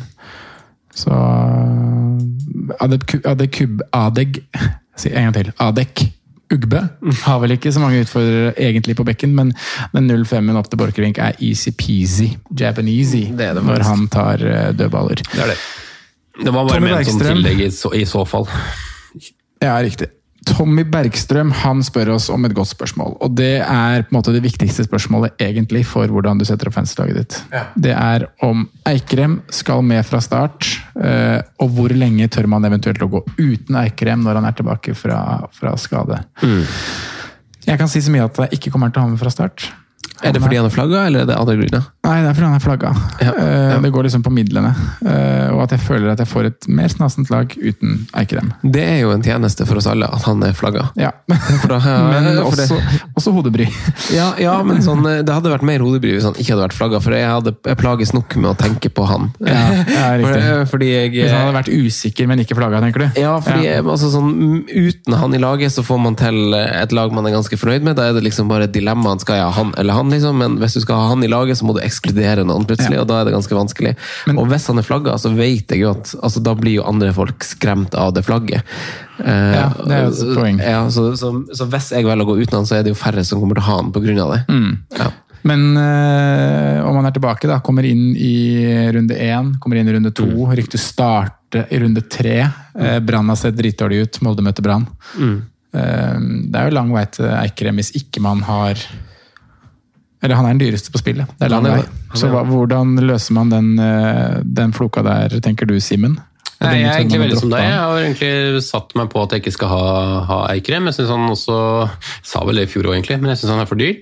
Um, I tillegg som du sier at han har hatt en trøkk nå, er flagga. Uh, kommer sikkert til å starte, men han blir fort vekk spart da, fra 70 og ut um, i de første rundene med, med litt tett kampprogram og kanskje en kjenning. Det er jo tre kamper på en åtte dager. eh, Sju dager. Ja. Så um, Nei, jeg syns, eh, syns ikke Jeg kommer ikke til å prioritere Eikrem. Jeg kommer nok til å bruke de millionene på å få flere da, gode spillere på Hjelperen. Og så sparer vi bytte til runde to, og har tre bytter til runde tre. Ja, det er jo det som er en fin grunntanke, syns jeg. Ja. Ja. Ellers i Molde, da.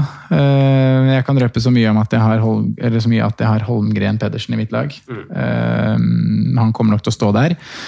Eh, Jeg syns jo han har eh, sett eh, Hver gang jeg ser han spille fotball, så ser han bra ut. Ja. Eh, Molde angriper med bekkene, de kommer til å skåre mye mål. Eh, Kommer til å få bra med clean sheet. Eh, Og lite konkurranse Ja, for ham minst. foreløpig. Det er verre på andre sida. Ja. Ja. ja, mye verre på andre sida. Uh, så, så den er nok grei.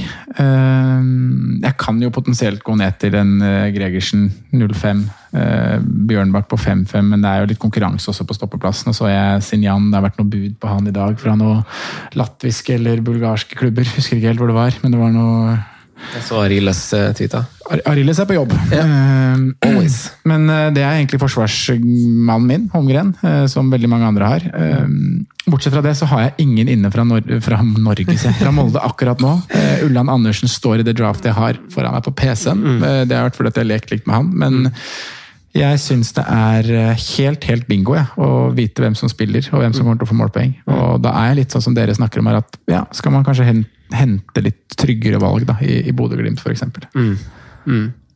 Ja, det er, jo det, det er jo det jeg føler. Eh, jeg, altså, jeg ser folk har eh, snak, snakker liksom om Hestad, man snakker om uh, Ulland og sånn. Og jeg eh, føler at det er en risiko for at jeg kjøper meg et problem. Ja, det er det man Ja. Det er sånn Manchester City-rotasjon her, det er faktisk en veldig fin eh, parallell å trekke. For jeg, jeg føler at det er ganske nøyaktig sånn. Eh, og så er han eh, Wolf Eikrem han De Bruyne. Ja. Ja. Hangler litt. Ja, ja, ja, han er kanskje litt masse skada, Wolfen. Er han ikke det? Ja. Plages han ikke litt med kroppen? Jo, han gjør jo for så vidt det. Det har vært litt ut og inn, og har uh, spilt jo få minutter både i 19 og 18, vel. Så Men jeg syns det er rart, for jeg er veldig sånn, jeg støtter han Simen på det han sier om trua på, på Molde og sånn. Og, og jeg syns det er veldig fint at du drar opp eh, City-sammenligninga. Eh, og vi så Wolf Eikrem, han fikk vel spørsmål om å anbefale en fantasyspiller, og han sa vel for fana. Og så, Ja. og så ser man på de andre to spissene som er der, så er det sånn her skal ikke dem to spille. Nei. Så, Så, så, er det mange som tipper OI som toppskårer. ja, ikke sant. Så- Sigurd Larsson skal jo spille fotball. Fofana kommer til å komme inn fra benk. Ja. Blir bytta ut etter 60. Du kommer til å bli irritert. Du vet ikke, Kanskje han skårer 15 mål, men du vet ikke når du får de. Um, jeg var veldig gira på Fofana lenge. Helt til jeg skjønte at herregud, O er jo fortsatt der. Han blir jo ikke solgt. Da, da var det uaktuelt. Ja, nei, jeg venter, jeg, altså, jeg venter bare. Men jeg syns, jeg, for jeg syns jo programmet til, eh, til Molde er jo også egentlig ganske fint. De tre første kampene de har kamp. Eh, så jeg skulle gjerne hvis eh, Altså, eh, jeg skulle gjerne hatt to. Ja. Ja. Skulle gjerne ha to. Men Ja. kommer til å ha en forsvarsspiller. Det er jo keeperen, da. 6-5, Lende. Det er fort veldig dyrt. Det er veldig dyrt. Ja. Du har satt en høy, Jonas. jeg har et par draft med han, men ja. det er veldig dyrt. Ja, det er det. Men det er noen potensielt eh, Det blir clean shit der, vet du, både mot uh, KBK til Brann, kanskje. Så mm, En dobbel bak i Molde, det, det kan støttes herfra. Eh, er det noe mer på Molde som du har lyst til å føye til her, Simen? Nei, jeg står egentlig veldig likt som deg, føler jeg, Sånn. Så jeg føler vi gjør oss litt like her. Men jeg kan dra på at jeg vurderer Skummelt. faktisk å starte med Fredrik Aursnes. Uh, Her må du komme med en god eh, Aursnes-begrunnelse. Nei, Det det fordi at det er som jeg nevnte, veldig tette kampprogrammer. Han er den eneste jeg er egentlig ganske sikker på kommer til å starte og nesten spille fullt, øh, fullt av kamper. Eh, han koster 6-0, har- hadde en periode i fjor hvor han hadde litt målpoeng. Har åtte målpoeng fordelt på 30 kamper, det er ikke så ille.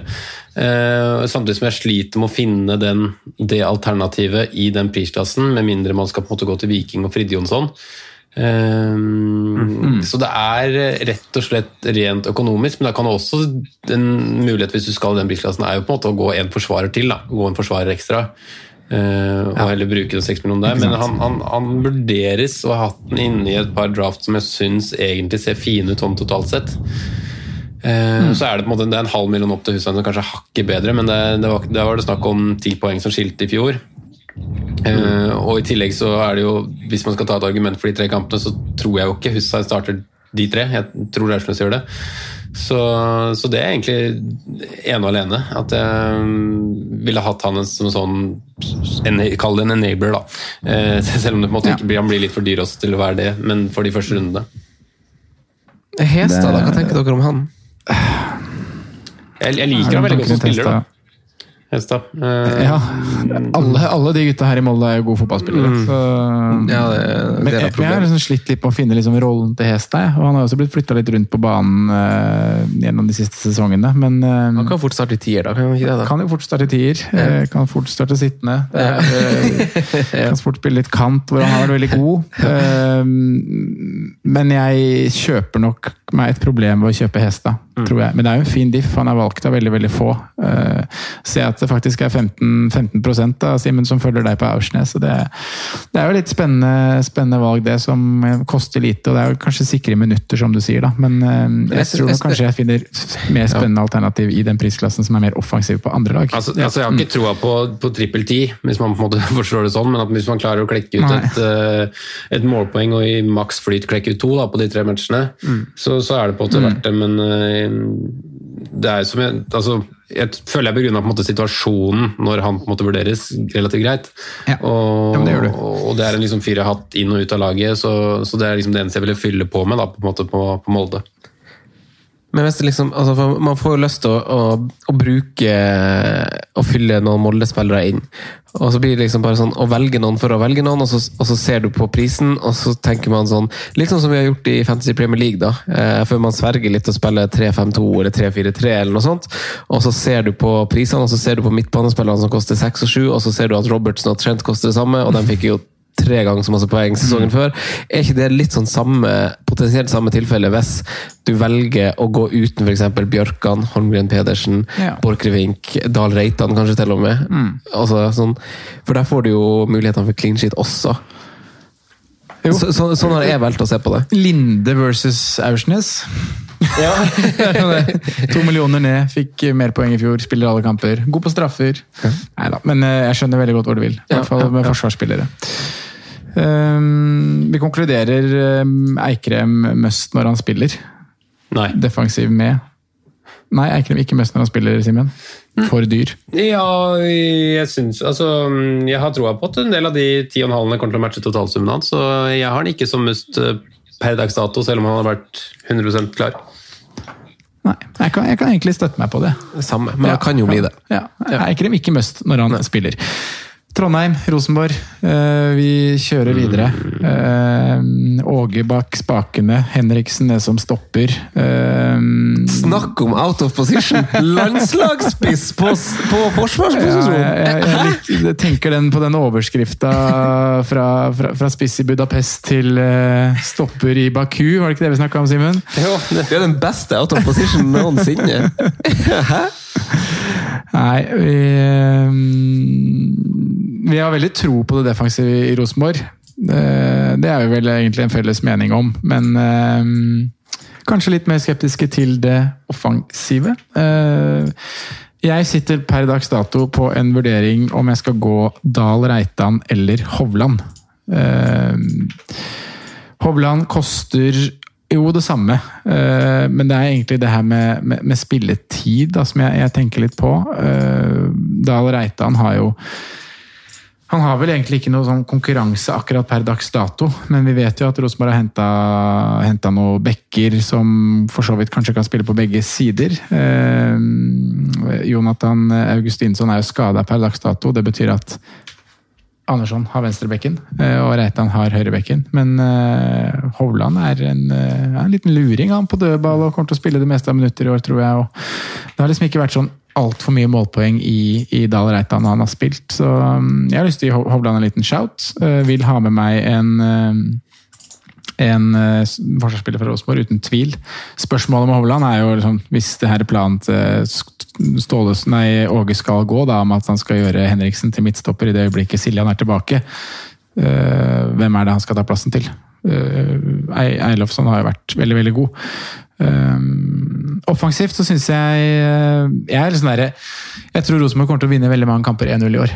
Uh, og det gjør også så jeg har egentlig lyst til å doble bak, men det er bare prisene der som er, er høye. Jeg har hatt draft med André Hansen og syns André Hansen Reitan eller Hovland-komboen er veldig, veldig fin. Ehm, jeg tror de kommer til å få utfordringer med det offensive. Vi har eh, Vecchia som har kommet inn, et populær, populært navn som mange snakker om, mens de færreste sikkert har sett spille fotball. Eh, jeg gleder meg veldig til å se han i aksjon, eh, men per dags dato så er han jo ikke helt kampfit. og har jo også konkurranse både fra Holse og, og Seide på kantene der. Mm. Um, så jeg er litt skeptisk til Vecchia, det må jeg si. Kanskje utover sesongen, men ikke noe jeg vurderer å ha med fra start. Mm. Jeg syns de har gjort en veldig veldig god signering i Vebjørn Hoff. De får en veldig god spiller der. Ja. Eh, Spiller han anker, eller? Fordi det, Han er jo veldig billig hvis han plutselig skal være indreløper av noe slag. Det er nettopp det, da. Ja. Eh, og hva blir rollen til Siljan? Hvor skal Henriksen spille? Ja. Eh, så er det Sakariassen som selvfølgelig skal ha en indreløperrolle. Mm. Men eh, Vebjørn Hoff kan jo bekle både anker og indreløper. Mm. Så vi får se hvordan den, den treeren kommer til å sette seg. Men mm. det har ikke vært så mye målpoeng inn, da. Så det er ikke noe jeg anbefaler sånn sett. Det er sånn fem målpoeng i sesongen? Ja, jeg så på det akkurat nå. Det er to skåringer og tre sist de to siste åra. Ja, sett. så det er for så vidt greit. Men Zakariassen er jo den måte, som kanskje jeg syns er mest undersnakka i Rosenborg-laget. Fordi han kommer til å spille alt av minutter i et tøft kampprogram i starten. Skal huske det at de har, de har fire kamper da, fra 9. til 20. mai. Eh, men jeg tror at han kommer til å Han er en motor, han har mm. god fysikk. Han kommer til å spille alle de matchene. Mm. Så um, er litt undersnakka, syns jeg. Tolv skåringer i fjor. Ble jo veldig, veldig bra. Har levert flere gode sesonger nå i, i Eliteserien. Um, og så har jeg Dino Islamovic inne. Ja. Eh, det er fordi at han ikke har noe konkurranse. Mm. Eh, han er et veldig fint kapteinsemne både i runde to og runde tre, hvor han har dobbeltkampen i, i runde tre og Viking hjemme i, i runde to. Så det er vel, for å koke det enkelt ned, da, så er det Dahl Reitan eller Hovland mm. og Dino Islamovic som er mine toppvalg i, ja. i Rosenborg. Jeg jeg har hatt drafts med både eller, altså enten eller Vecchia eh, og, og, Islamovic. Mm. Eh, jeg leste bare at eh, Vecchia har sett bra ut, eh, mens Islamovic tar straffa. Ja. Og, og, er liksom den fyren nå. Ja, eh, jeg leste også at han ikke trente i dag. Mm. Altså på, på, torsdag. Det er ikke the eve of battle, men eh, Åge sa vel at han skulle, skulle være klar til kamp. Ja. Men det er jo litt sånn Blir dere litt sånn nervøs av det? Jeg ble litt nervøs av det. Eh, for det er jo på en måte at en spiller har litt lyskerusk tett opp mot mm. seriestart. Og når jeg liksom tenker på det kampprogrammet jeg akkurat dro gjennom her, da, så det, det, er jo ikke noe man liker å høre. Men ja. igjen så er det jo veldig godt å høre og se at uh, Rosenborg tar hensyn til det. da, Og mm. hviler han litt på trening nå i, i forkant av, uh, av seriestart. Mm. Men uh, Vecchia ble jo drilla som spiss. Ja, han ble det mm. som en konsekvens av at han ikke Ja, riktig. riktig. Så da har de liksom en plan B, og da skal han være spiss. Ja. Okay. Uh, men de har vel også en spiss som er i karantene, som, uh, ja. som skal være klar til kamp i, i Mollins. Da. Mm. Har vært i, i vente, eller innreisekarantene, som det heter. Litt rart lag. Litt rart lag. Det er litt sånn uh... Og det syns jeg er tynt offensivt, jeg. Ja. Jeg har veldig trua på Seide og sånn som er veldig stort talent, men mm. det kommer til å variere veldig. På sitt beste er han jo helt fantastisk, men det, det Det svinger mye, så du kan på en måte ikke forvente at verken han eller Holse leverer jevnt høyt nivå. da. Um, Simen, hva er uh, din Rosenborg uh, hva er det, Har du noen i laget akkurat nå? Har én inne på laget akkurat nå. Uh, han tror jeg faktisk jeg ikke ender med når vi, når vi starter opp, men jeg har Markus Henriksen inne. Eh, Du har Markus inne, du. Litt sånn feeling, bare. Hvis han Altså at det, han kommer til å Spille spiss? Nei, ikke nødvendigvis at han spiller spiss, men at han kommer til å utkonkurrere Dahl Reitan med målpoeng, selv om han kommer til å spille anker. Uh, og at han på en måte kanskje Hvorfor det? får Nei, for at han har på en måte en sånn tendens til å dukke opp i, i Hva skal jeg si I det berømte returrommet. Eh, kom, kanskje ikke like mange muligheter, men har en brukbar skuddfot. Altså, han kommer jo eh, naturlig nok til å ende opp rundt motstanders boks, selv om han kommer til å på en måte spille en sånn klassisk DM. Eh, kanskje noen ganger får han også Ja, men mulighet Tror du det, hvis han spiller DM? Ja, det er vel det som er skissert, fram til Siljan er, eh, er fit. Ja, ja, ja, at han, ja, at han spiller det, men at han kommer seg i målfarlige posisjoner når han spiller det. Ja, jeg betyr, jeg vil tro det. Uh, og, og, og derfor er jeg sånn gira på det, men som, som jeg sa, så tror jeg jo ikke at jeg kommer til å ende med han som når, når vi starter sesongen.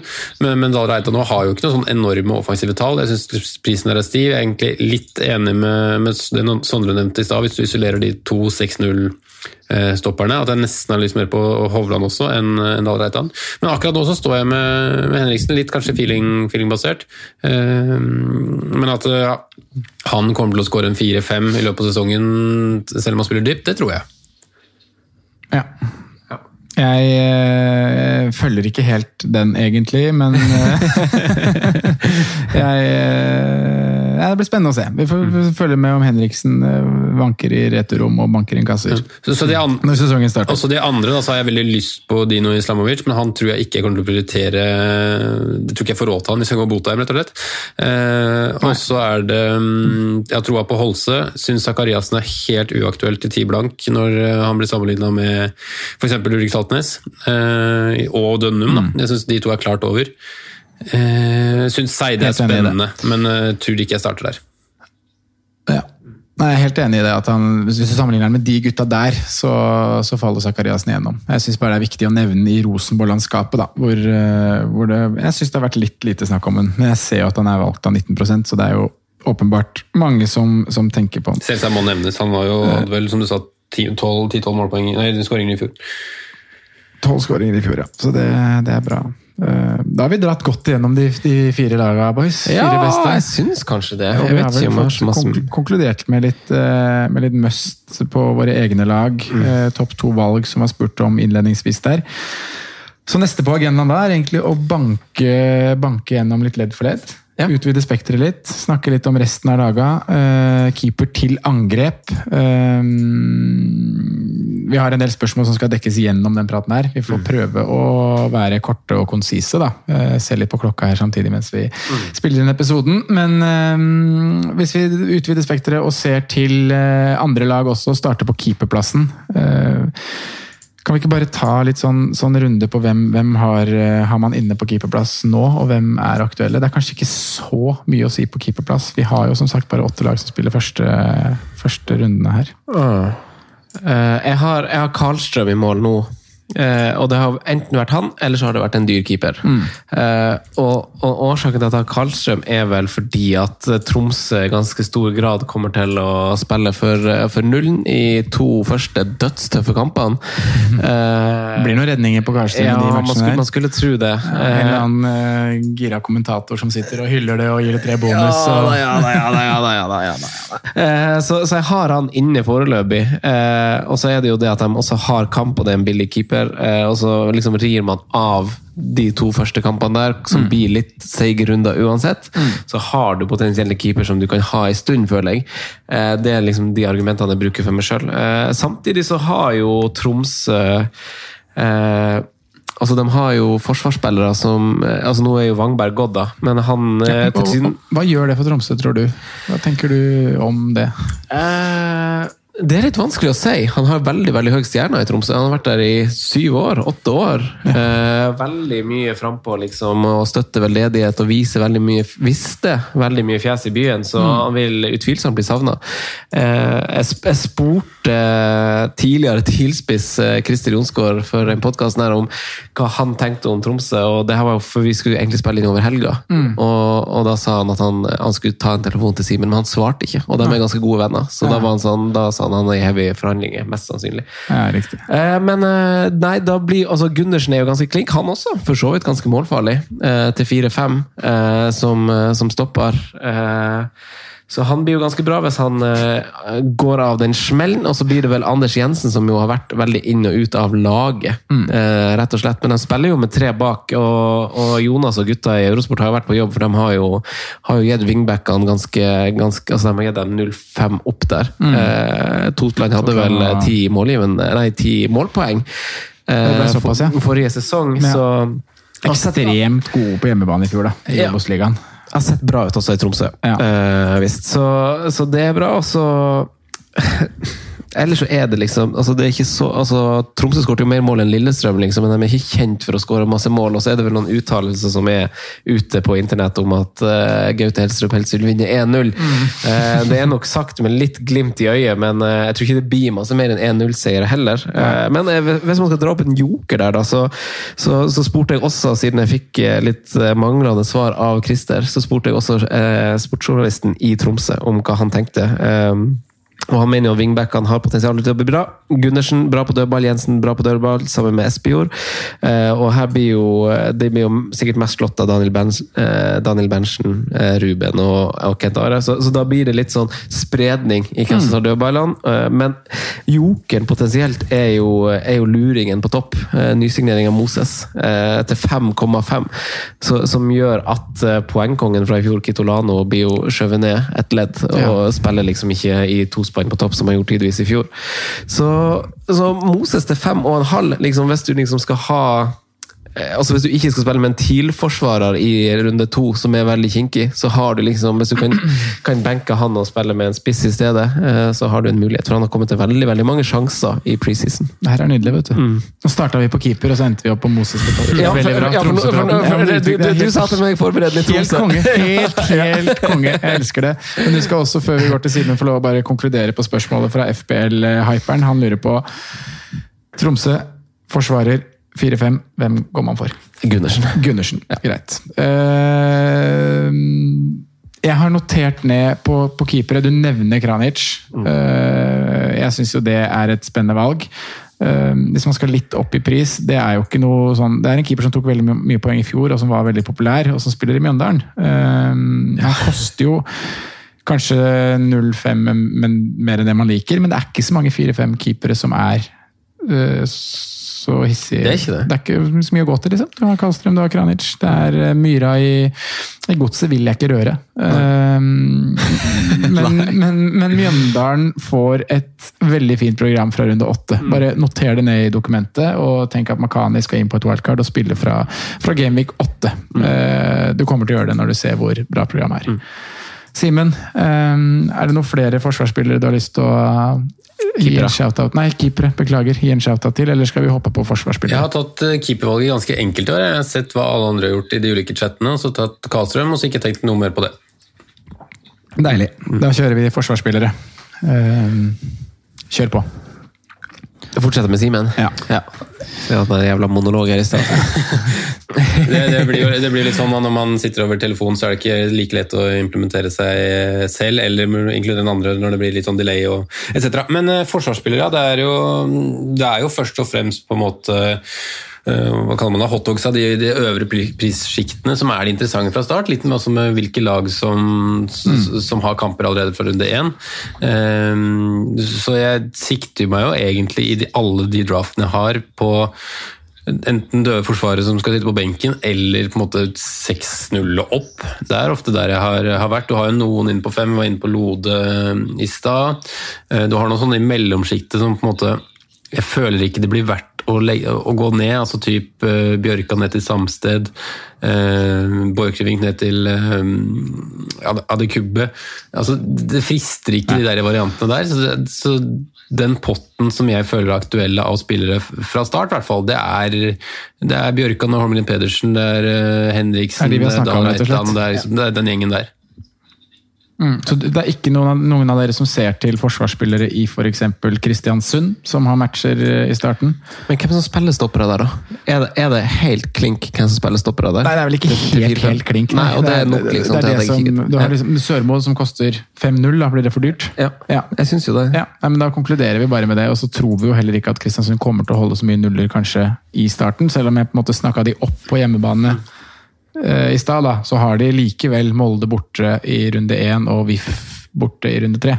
Ja, og Du har snakka om overgangsvinnere, men uh, de er jo litt hardt under spillere som har gått ut døren. Ja, Vi får se om de klarer å trylle det, trylle det til igjen. altså. Jeg er veldig spent på Kristiansund. Ja. Eh, Shaun har i hvert fall skrevet ny kontrakt. Gjertsen kom inn nå, veldig veldig viktig. Ja, Eh, ja, og så har de jo en, eh, en Skarsheim der som er, eh, som er veldig spennende. Eh, og, og Kartum òg, for så vidt, som, som kom fra Stjørdalsblink, vel. Som også er en, en spennende spiller, men mm, mer Unproven. midtbanen. Ja.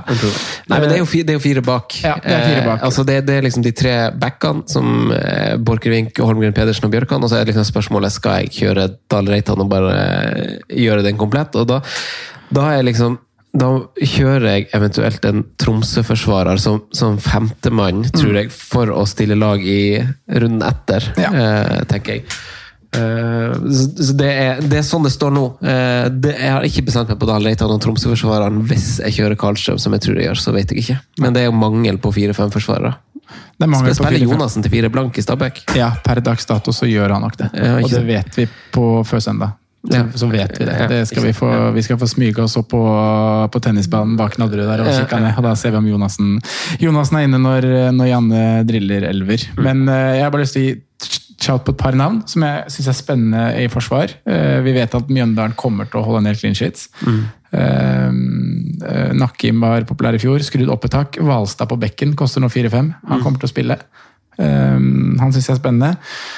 En annen jeg har vurdert å gå med fra start, som er litt sånn skink, skinkig å ha med seg fordi han ikke har match i runde to, er Ovusu fra Odd. Eh, Sandefjord i runde én. Eh, Stabæk er det vel, i runde tre. Kan, han kommer til å spille høyrebekk nå, da, i Espen Ruud. Han var på do, faktisk, han Simen. Ja, han var på do, han. Ja, han var det. Jeg- Jeg hadde mine mistanker. Jeg hørte, hørte det. Han må sjekke inn prostataen sin, tror jeg. Men, men du, du som kjenner Odd, kan vi ta den? Vi kan ta den. Fordi, fordi jeg Det var jo faktisk litt artig at han, eh, han var det. Men, men fordi altså, sånn, for jeg syns jo den første kampen er såpass fin at jeg har lyst til å være involvert. Ja, og det skjønner jeg veldig godt. Og jeg har, kan- jeg har sett at Kåsa spiller litt på kanten, Ja. for eksempel. Eh, og jeg, jeg, jeg, hadde Bjørtuft inne på et tidlig draft, for han koster fem.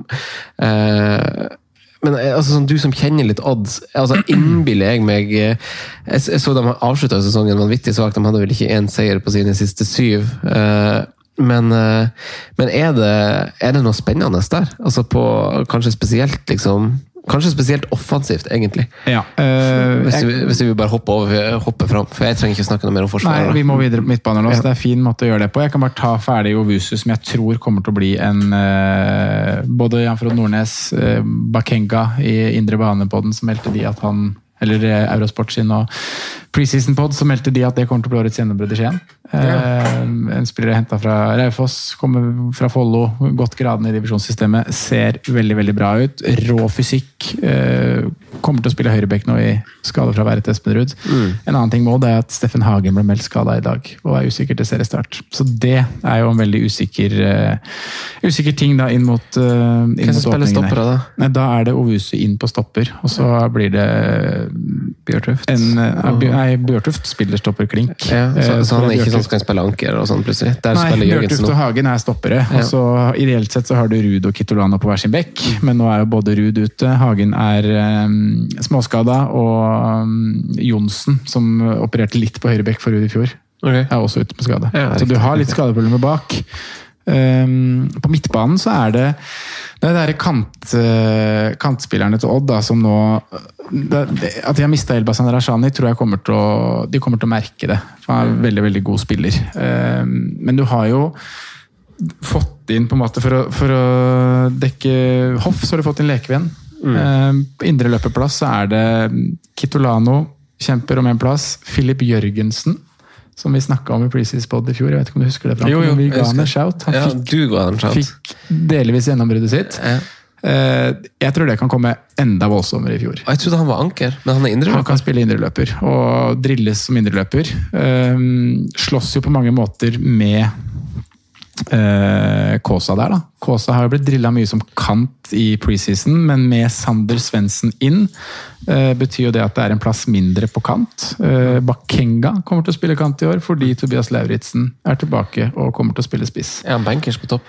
Er ikke det et bra spissvalg så ble det åtte blank? Inne på laget mitt. Ja. Mm, men eh, det er litt med hjertet, da. Ja, ja. Jeg må si det. Men, eh, Du har hjertet på rette staden. Eh, Det var det, da. Eh, Fin serie. Men eh, Nei, jeg, jeg liker både eh, Jeg liker Bakenga, eh, selv som kant. Selv om han selv sier at han liker å spille spiss best. Men han får jo på en måte en litt sånn annen type kantrolle enn det som kanskje har vært vanlig i Odd. Han trekker mer inn. eh, At de nesten spiller med to spisser. Så angriper du litt ned på motsatt side. Eh, Jeg liker uh, Lauritzen på åtte. Eh, hvis Jørgensen Han har konkurranse der, men hvis han viser seg å starte, så er han et veldig fint 4-5-valg altså, på indreløper. Lekvenn Lekven skal jo spille den dype, så, så det er både Kitolano, Kaasa, Jørgensen eh, Du har også en Konrad Vallem, som de har henta fra fra Arendal, eh, som har tatt gradene via FK Tønsberg. Debuterte på laget FK Tønsberg sammen med meg, faktisk. Da var han 14 år, tror jeg. Han kom inn mot, ja, kom inn mot Porsche Grenland borte der i 2013-2014 en gang. Eh, så Konrad har tatt steg og blitt fra å være en kant nå blitt en mer indreløperspiller. Så han også kan få minutter i år. Eh, og årets Filip Jørgensen er Syverås. Ja. 04. Bare 04. 04-modell. Han er dødsgod på FM. Jeg kjøpte han til, ja. til Arsenal og Norwich. Ja, det, han kommer til å spille der en gang. Eh, Så, det en- så det, det er årets Jørgensen, det? Ja, Syver også Årets Jørgensen. Ja, veldig bra. Eh, jeg vet ikke, Er du med oss fortsatt, Simen? Det har vært mye tut og kjør der borte nå. Men eh, vi, snakker, vi har snakka midtbaner og Odd og litt sånn. vi nå. Har du noen, eh, noen midtbanespillere du har lyst til å dra fram, eller? Jeg, jeg prøvde å sende melding til dere på, på Messenger mens vi spilte, at jeg bare måtte ta to min, to min av. Heldigvis hadde jeg jo ikke med eh, mikrofonen, selv om jeg hadde med dere på AirPodsene på, på, toalett, på toalettet. Eh, så lytterne slapp i det er hvert fall å, å være med på det. Ja, vi hørte det, da. Det Det er vanskelig å holde seg noen ganger når man spiller inn podkast, så da ble det en liten tullet. Men, men midtbaner så, så er jeg jo fryktelig på, spent på hva Tripic kommer til å lande på når han kommer inn. da. Eh, Ah, jeg det er veldig spent på Kabran. Jeg føler det er en hype, men samtidig så er det veldig mange som prater veldig godt om han. Um, Så det vikinglaget er jo på en måte nå da plutselig fire-fem assets som, um, som virkelig være interessante. Samtidig så føler jeg at det skal mye til for at uh, hva skal jeg si, flertallet av de blir veldig verdi. Uh, og da, derfor så kommer jeg nok til å ut, holde meg mest sannsynlig uten vikingasett, eller så går jeg på en måte for den billige gamberen i, Fridtjonsson, som har på en måte vært, eller har gode rapporter fra preseason. Uh, Ja, for det var det, det var det jeg skulle spørre dere om nå, om dere har han i, i laget litt deres. ut og inn av laget, Jeg har- egentlig. Jeg har han inne, men det utelukkende pga. det jeg hørte på podkaster. Ja, jeg vet samme ingenting her, om han. Samme her. Jeg har sett, Men, sett eh, for lite nå i preseason til ja. Vet jo liksom, ja. Men hva gjør, altså, hva gjør uh, Tripic-signering? Han starter jo fort, sikkert ikke først, han er vel i karantene også, sikkert. Men det som er spennende der, er jo både at, uh, både at Tripic og Kabran trives veldig godt på venstrekanten. Begge de vil jo spille venstrekant. Eh, Kabran har jo ikke funka noe annet sted. Han har jo så vidt funka på kant i start, og han har i hvert fall ikke funka som tier. og ikke Men han har jo spilt tier. Er ikke han litt rar? Han har vel spilt tier, selv om på en måte han ikke har fungert sånn optimalt. Ja, Men det, det vi tror, da, er at eh, Frid Jonsson starter som tier.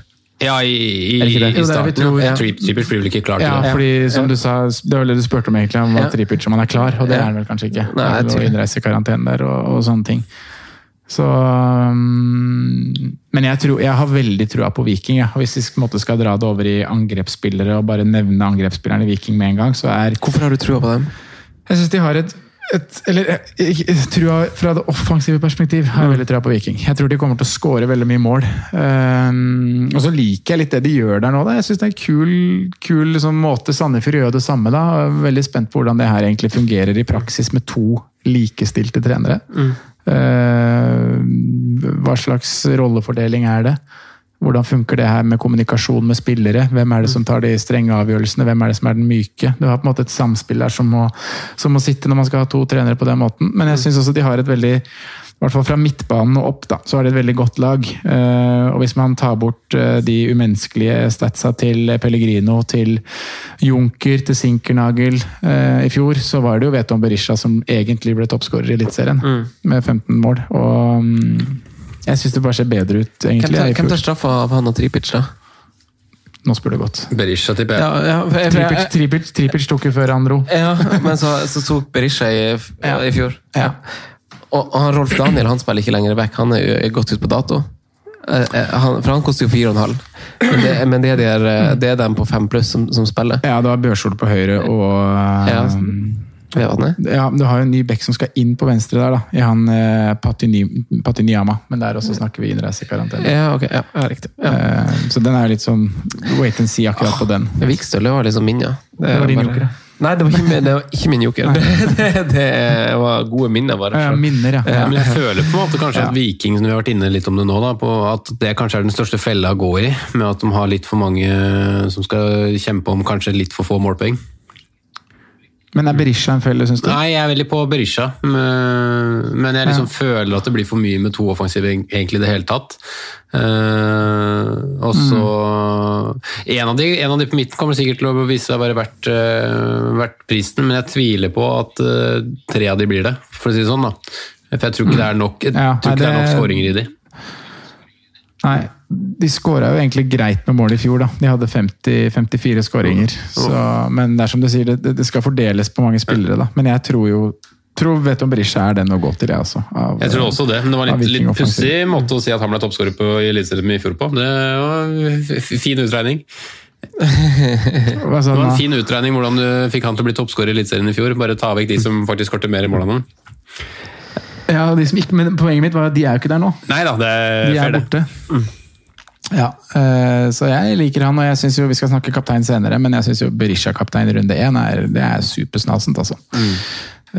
Det må jeg bare si. Eh, Jeg har notert et par navn, jeg kan bare dra gjennom de fort på, på midtbane, så kan dere dere kan få si yay eller nei. Eh, Kaludra, en spiller som er involvert og har ekstreme ferdigheter. Eh, veldig god teknisk. Eh, vært på to er på tosifra med målpoeng nå de to siste sesongene. Uh, vurderer du Kaludra fra start, Franco? Nei. Nei. Simen? Nei, jeg gjør egentlig ikke det, altså. Uh, ikke sånn uh, Hva skal jeg si? Jeg syns han er en spiller som på en måte Jeg føler han har kanskje et steg til opp. eh, han kan bli på en måte enda bedre, men nei, jeg tror ikke det er nok målpoeng i, i han, altså. Nei. Det er jo, altså Som er en populær mann, hvis man har fire på midtbanen, så er det jo han der Hopmark i samme klubb, da. Ja. Til fire og en halv. Hvis man spiller med fire på midtbanen, så er jo det en no-brainer til eh, som femte midt, da. For han tar angivelig straffa, ifølge Angivelig 55. straffer. Ja, ja, det liksom og vurder- spiller i runde to, og så videre. Ja, og Det er jo det han spiller i runde to, da, og det gjør jo ikke Jørgensen. For jeg driver og vurderer det der Jørgensen versus Hopmark, eh, egentlig versus Nicolay Næss også, på Sarpsborg. Men der er det jo ikke kamper før tre, så vi trenger ikke å dra inn på han. Taylor i Brann.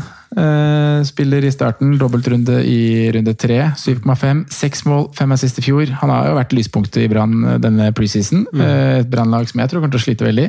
Eh, Svakeste laget bakover. Sammen med Godset, tror jeg. I hvert fall sånn det ser ut per dags dato.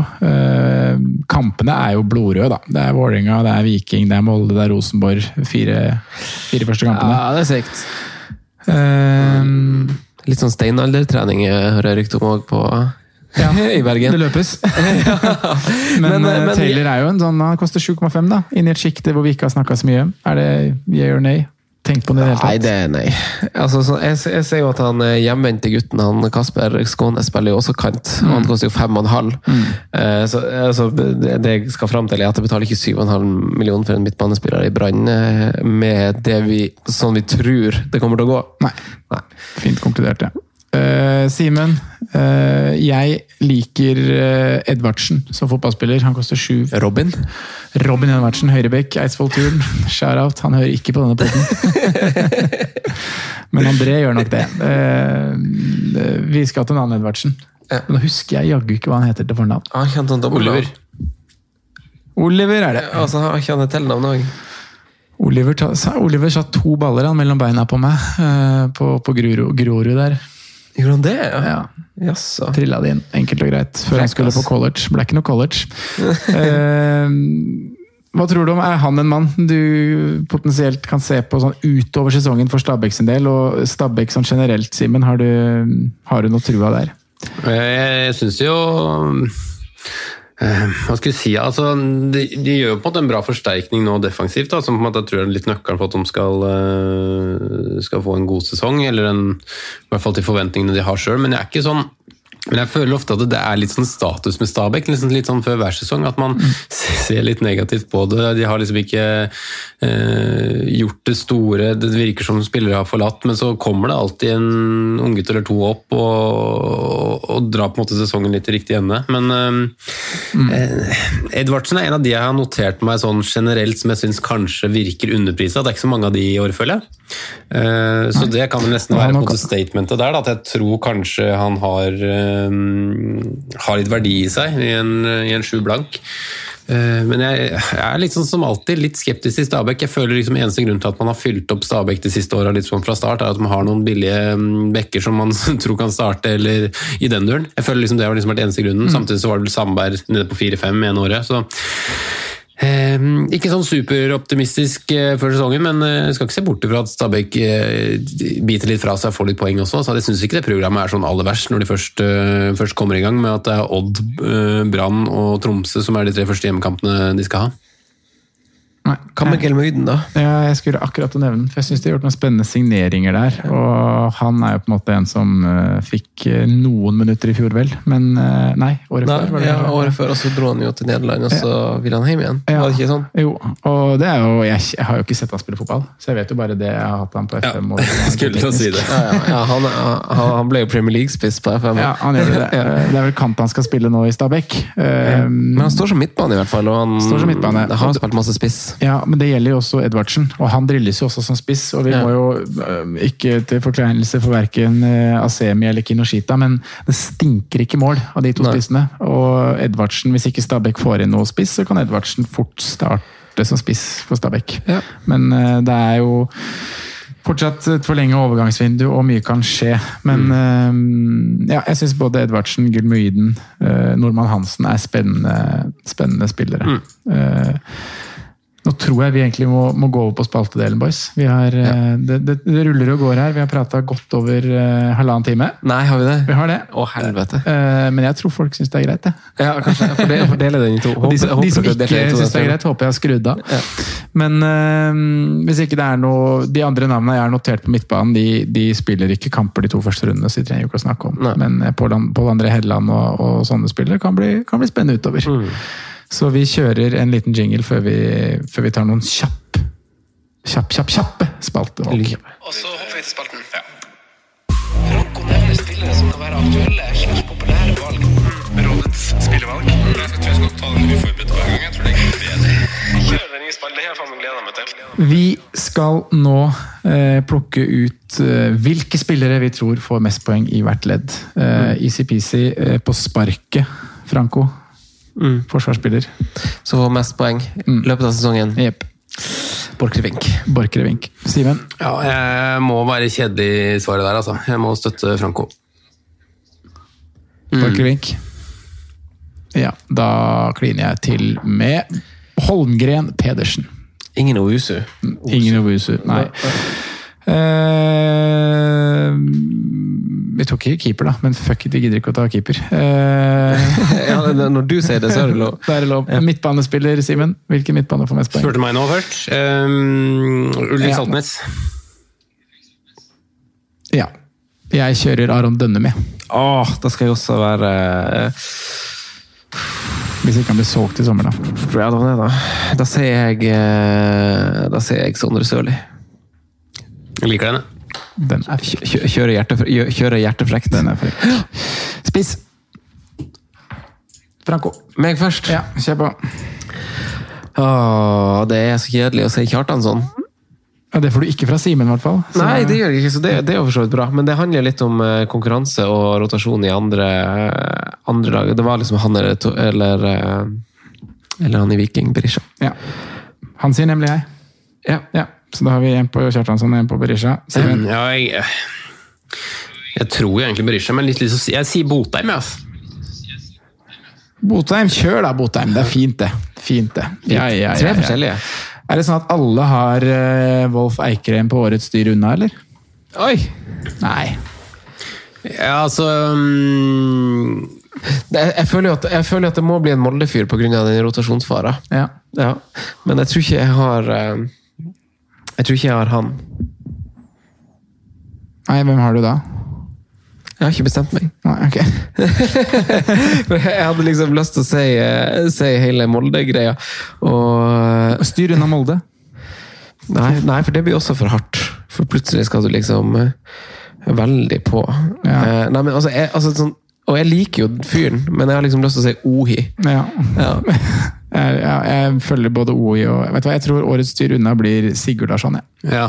Ja. OI kommer til å være god. Fofana kommer til å få sjanser. Eh, Dropp Bjørn eh, Sigurd Larsson. hvorfor skulle ikke han Bjørn eh, spille? Nei, jeg vet da faen, jeg. Er ikke han liksom Big signing? Var ikke han liksom jo, jo, det? det. jo, jo, jo. Uten tvil. 16 mål i fjor òg. Simen, har du noe å føye til? Sa du noe nå? Jeg spurte om du hadde noe å føye til. du, var litt lav, du er litt lav til, til tider. Årets styr unna for, Ja, ja, ja, for meg er egentlig Jeg, jeg sier Kjartansson, jeg. Jeg syns han er for, for dyr. Stilig. Men jeg tror, altså, jeg tror Ja. Jeg tenker at vi altså, Det må liksom være til, til, sånn til grenser. Altså, han er jo på en måte en styr unna hvis han ender på ti-tolv kasser. Eh, Ja. Med den prisen, så blir det nå det. Ja, men det er fint. Jeg tenker at vi sier at dette var dette. Ja. Uh, tusen hjertelig takk for at dere ville være med og lage Eliteserien-podkast. Jeg har kosa meg gløgg. Jeg. Synes det er superartig. Nå skal vi i gang. Ja, nå skal Ja. vi i gang. Nå håper jeg alle, alle bare kommer seg inn. og Nå har jo folk Hvis ikke du har hatt tid til å opprette lag eh, i løpet av denne halvannen timen, så vet nok jeg. Jeg håper laget er satt, og at, eh, og at det blir en god sesong for alle. Mm. Så, Veldig hyggelig. Takk for at du ble med, Franco. Of course. Simen, takk for at du gadd å henge med fra, fra Kalle B, eller hvor du nå befinner deg. Kalle B, vet du, det er, eh, det er Oslos perle. The place to be. Vi snakkes. Lykke til med seriestarten. Lykke til! Lykke til. Jimenez. Now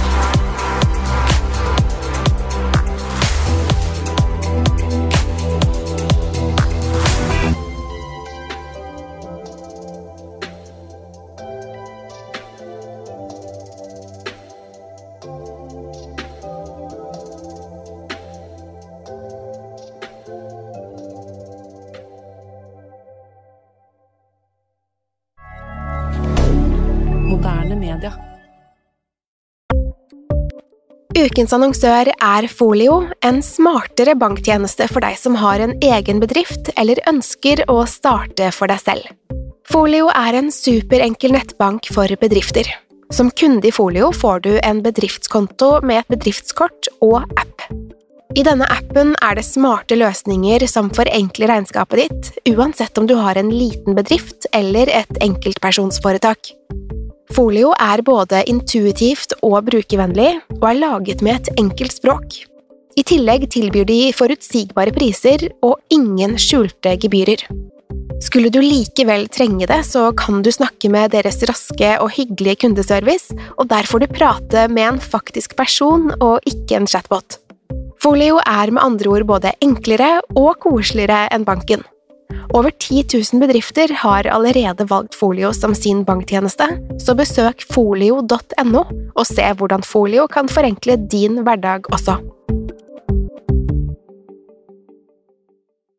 Har du et enkeltpersonforetak eller en liten bedrift? Da er du sikkert lei av å høre meg snakke om hvor enkelt det er med kvitteringer og bilag i fiken, så vi eh, gir oss her, vi. Fordi vi liker enkelt. Fiken superenkelt regnskap.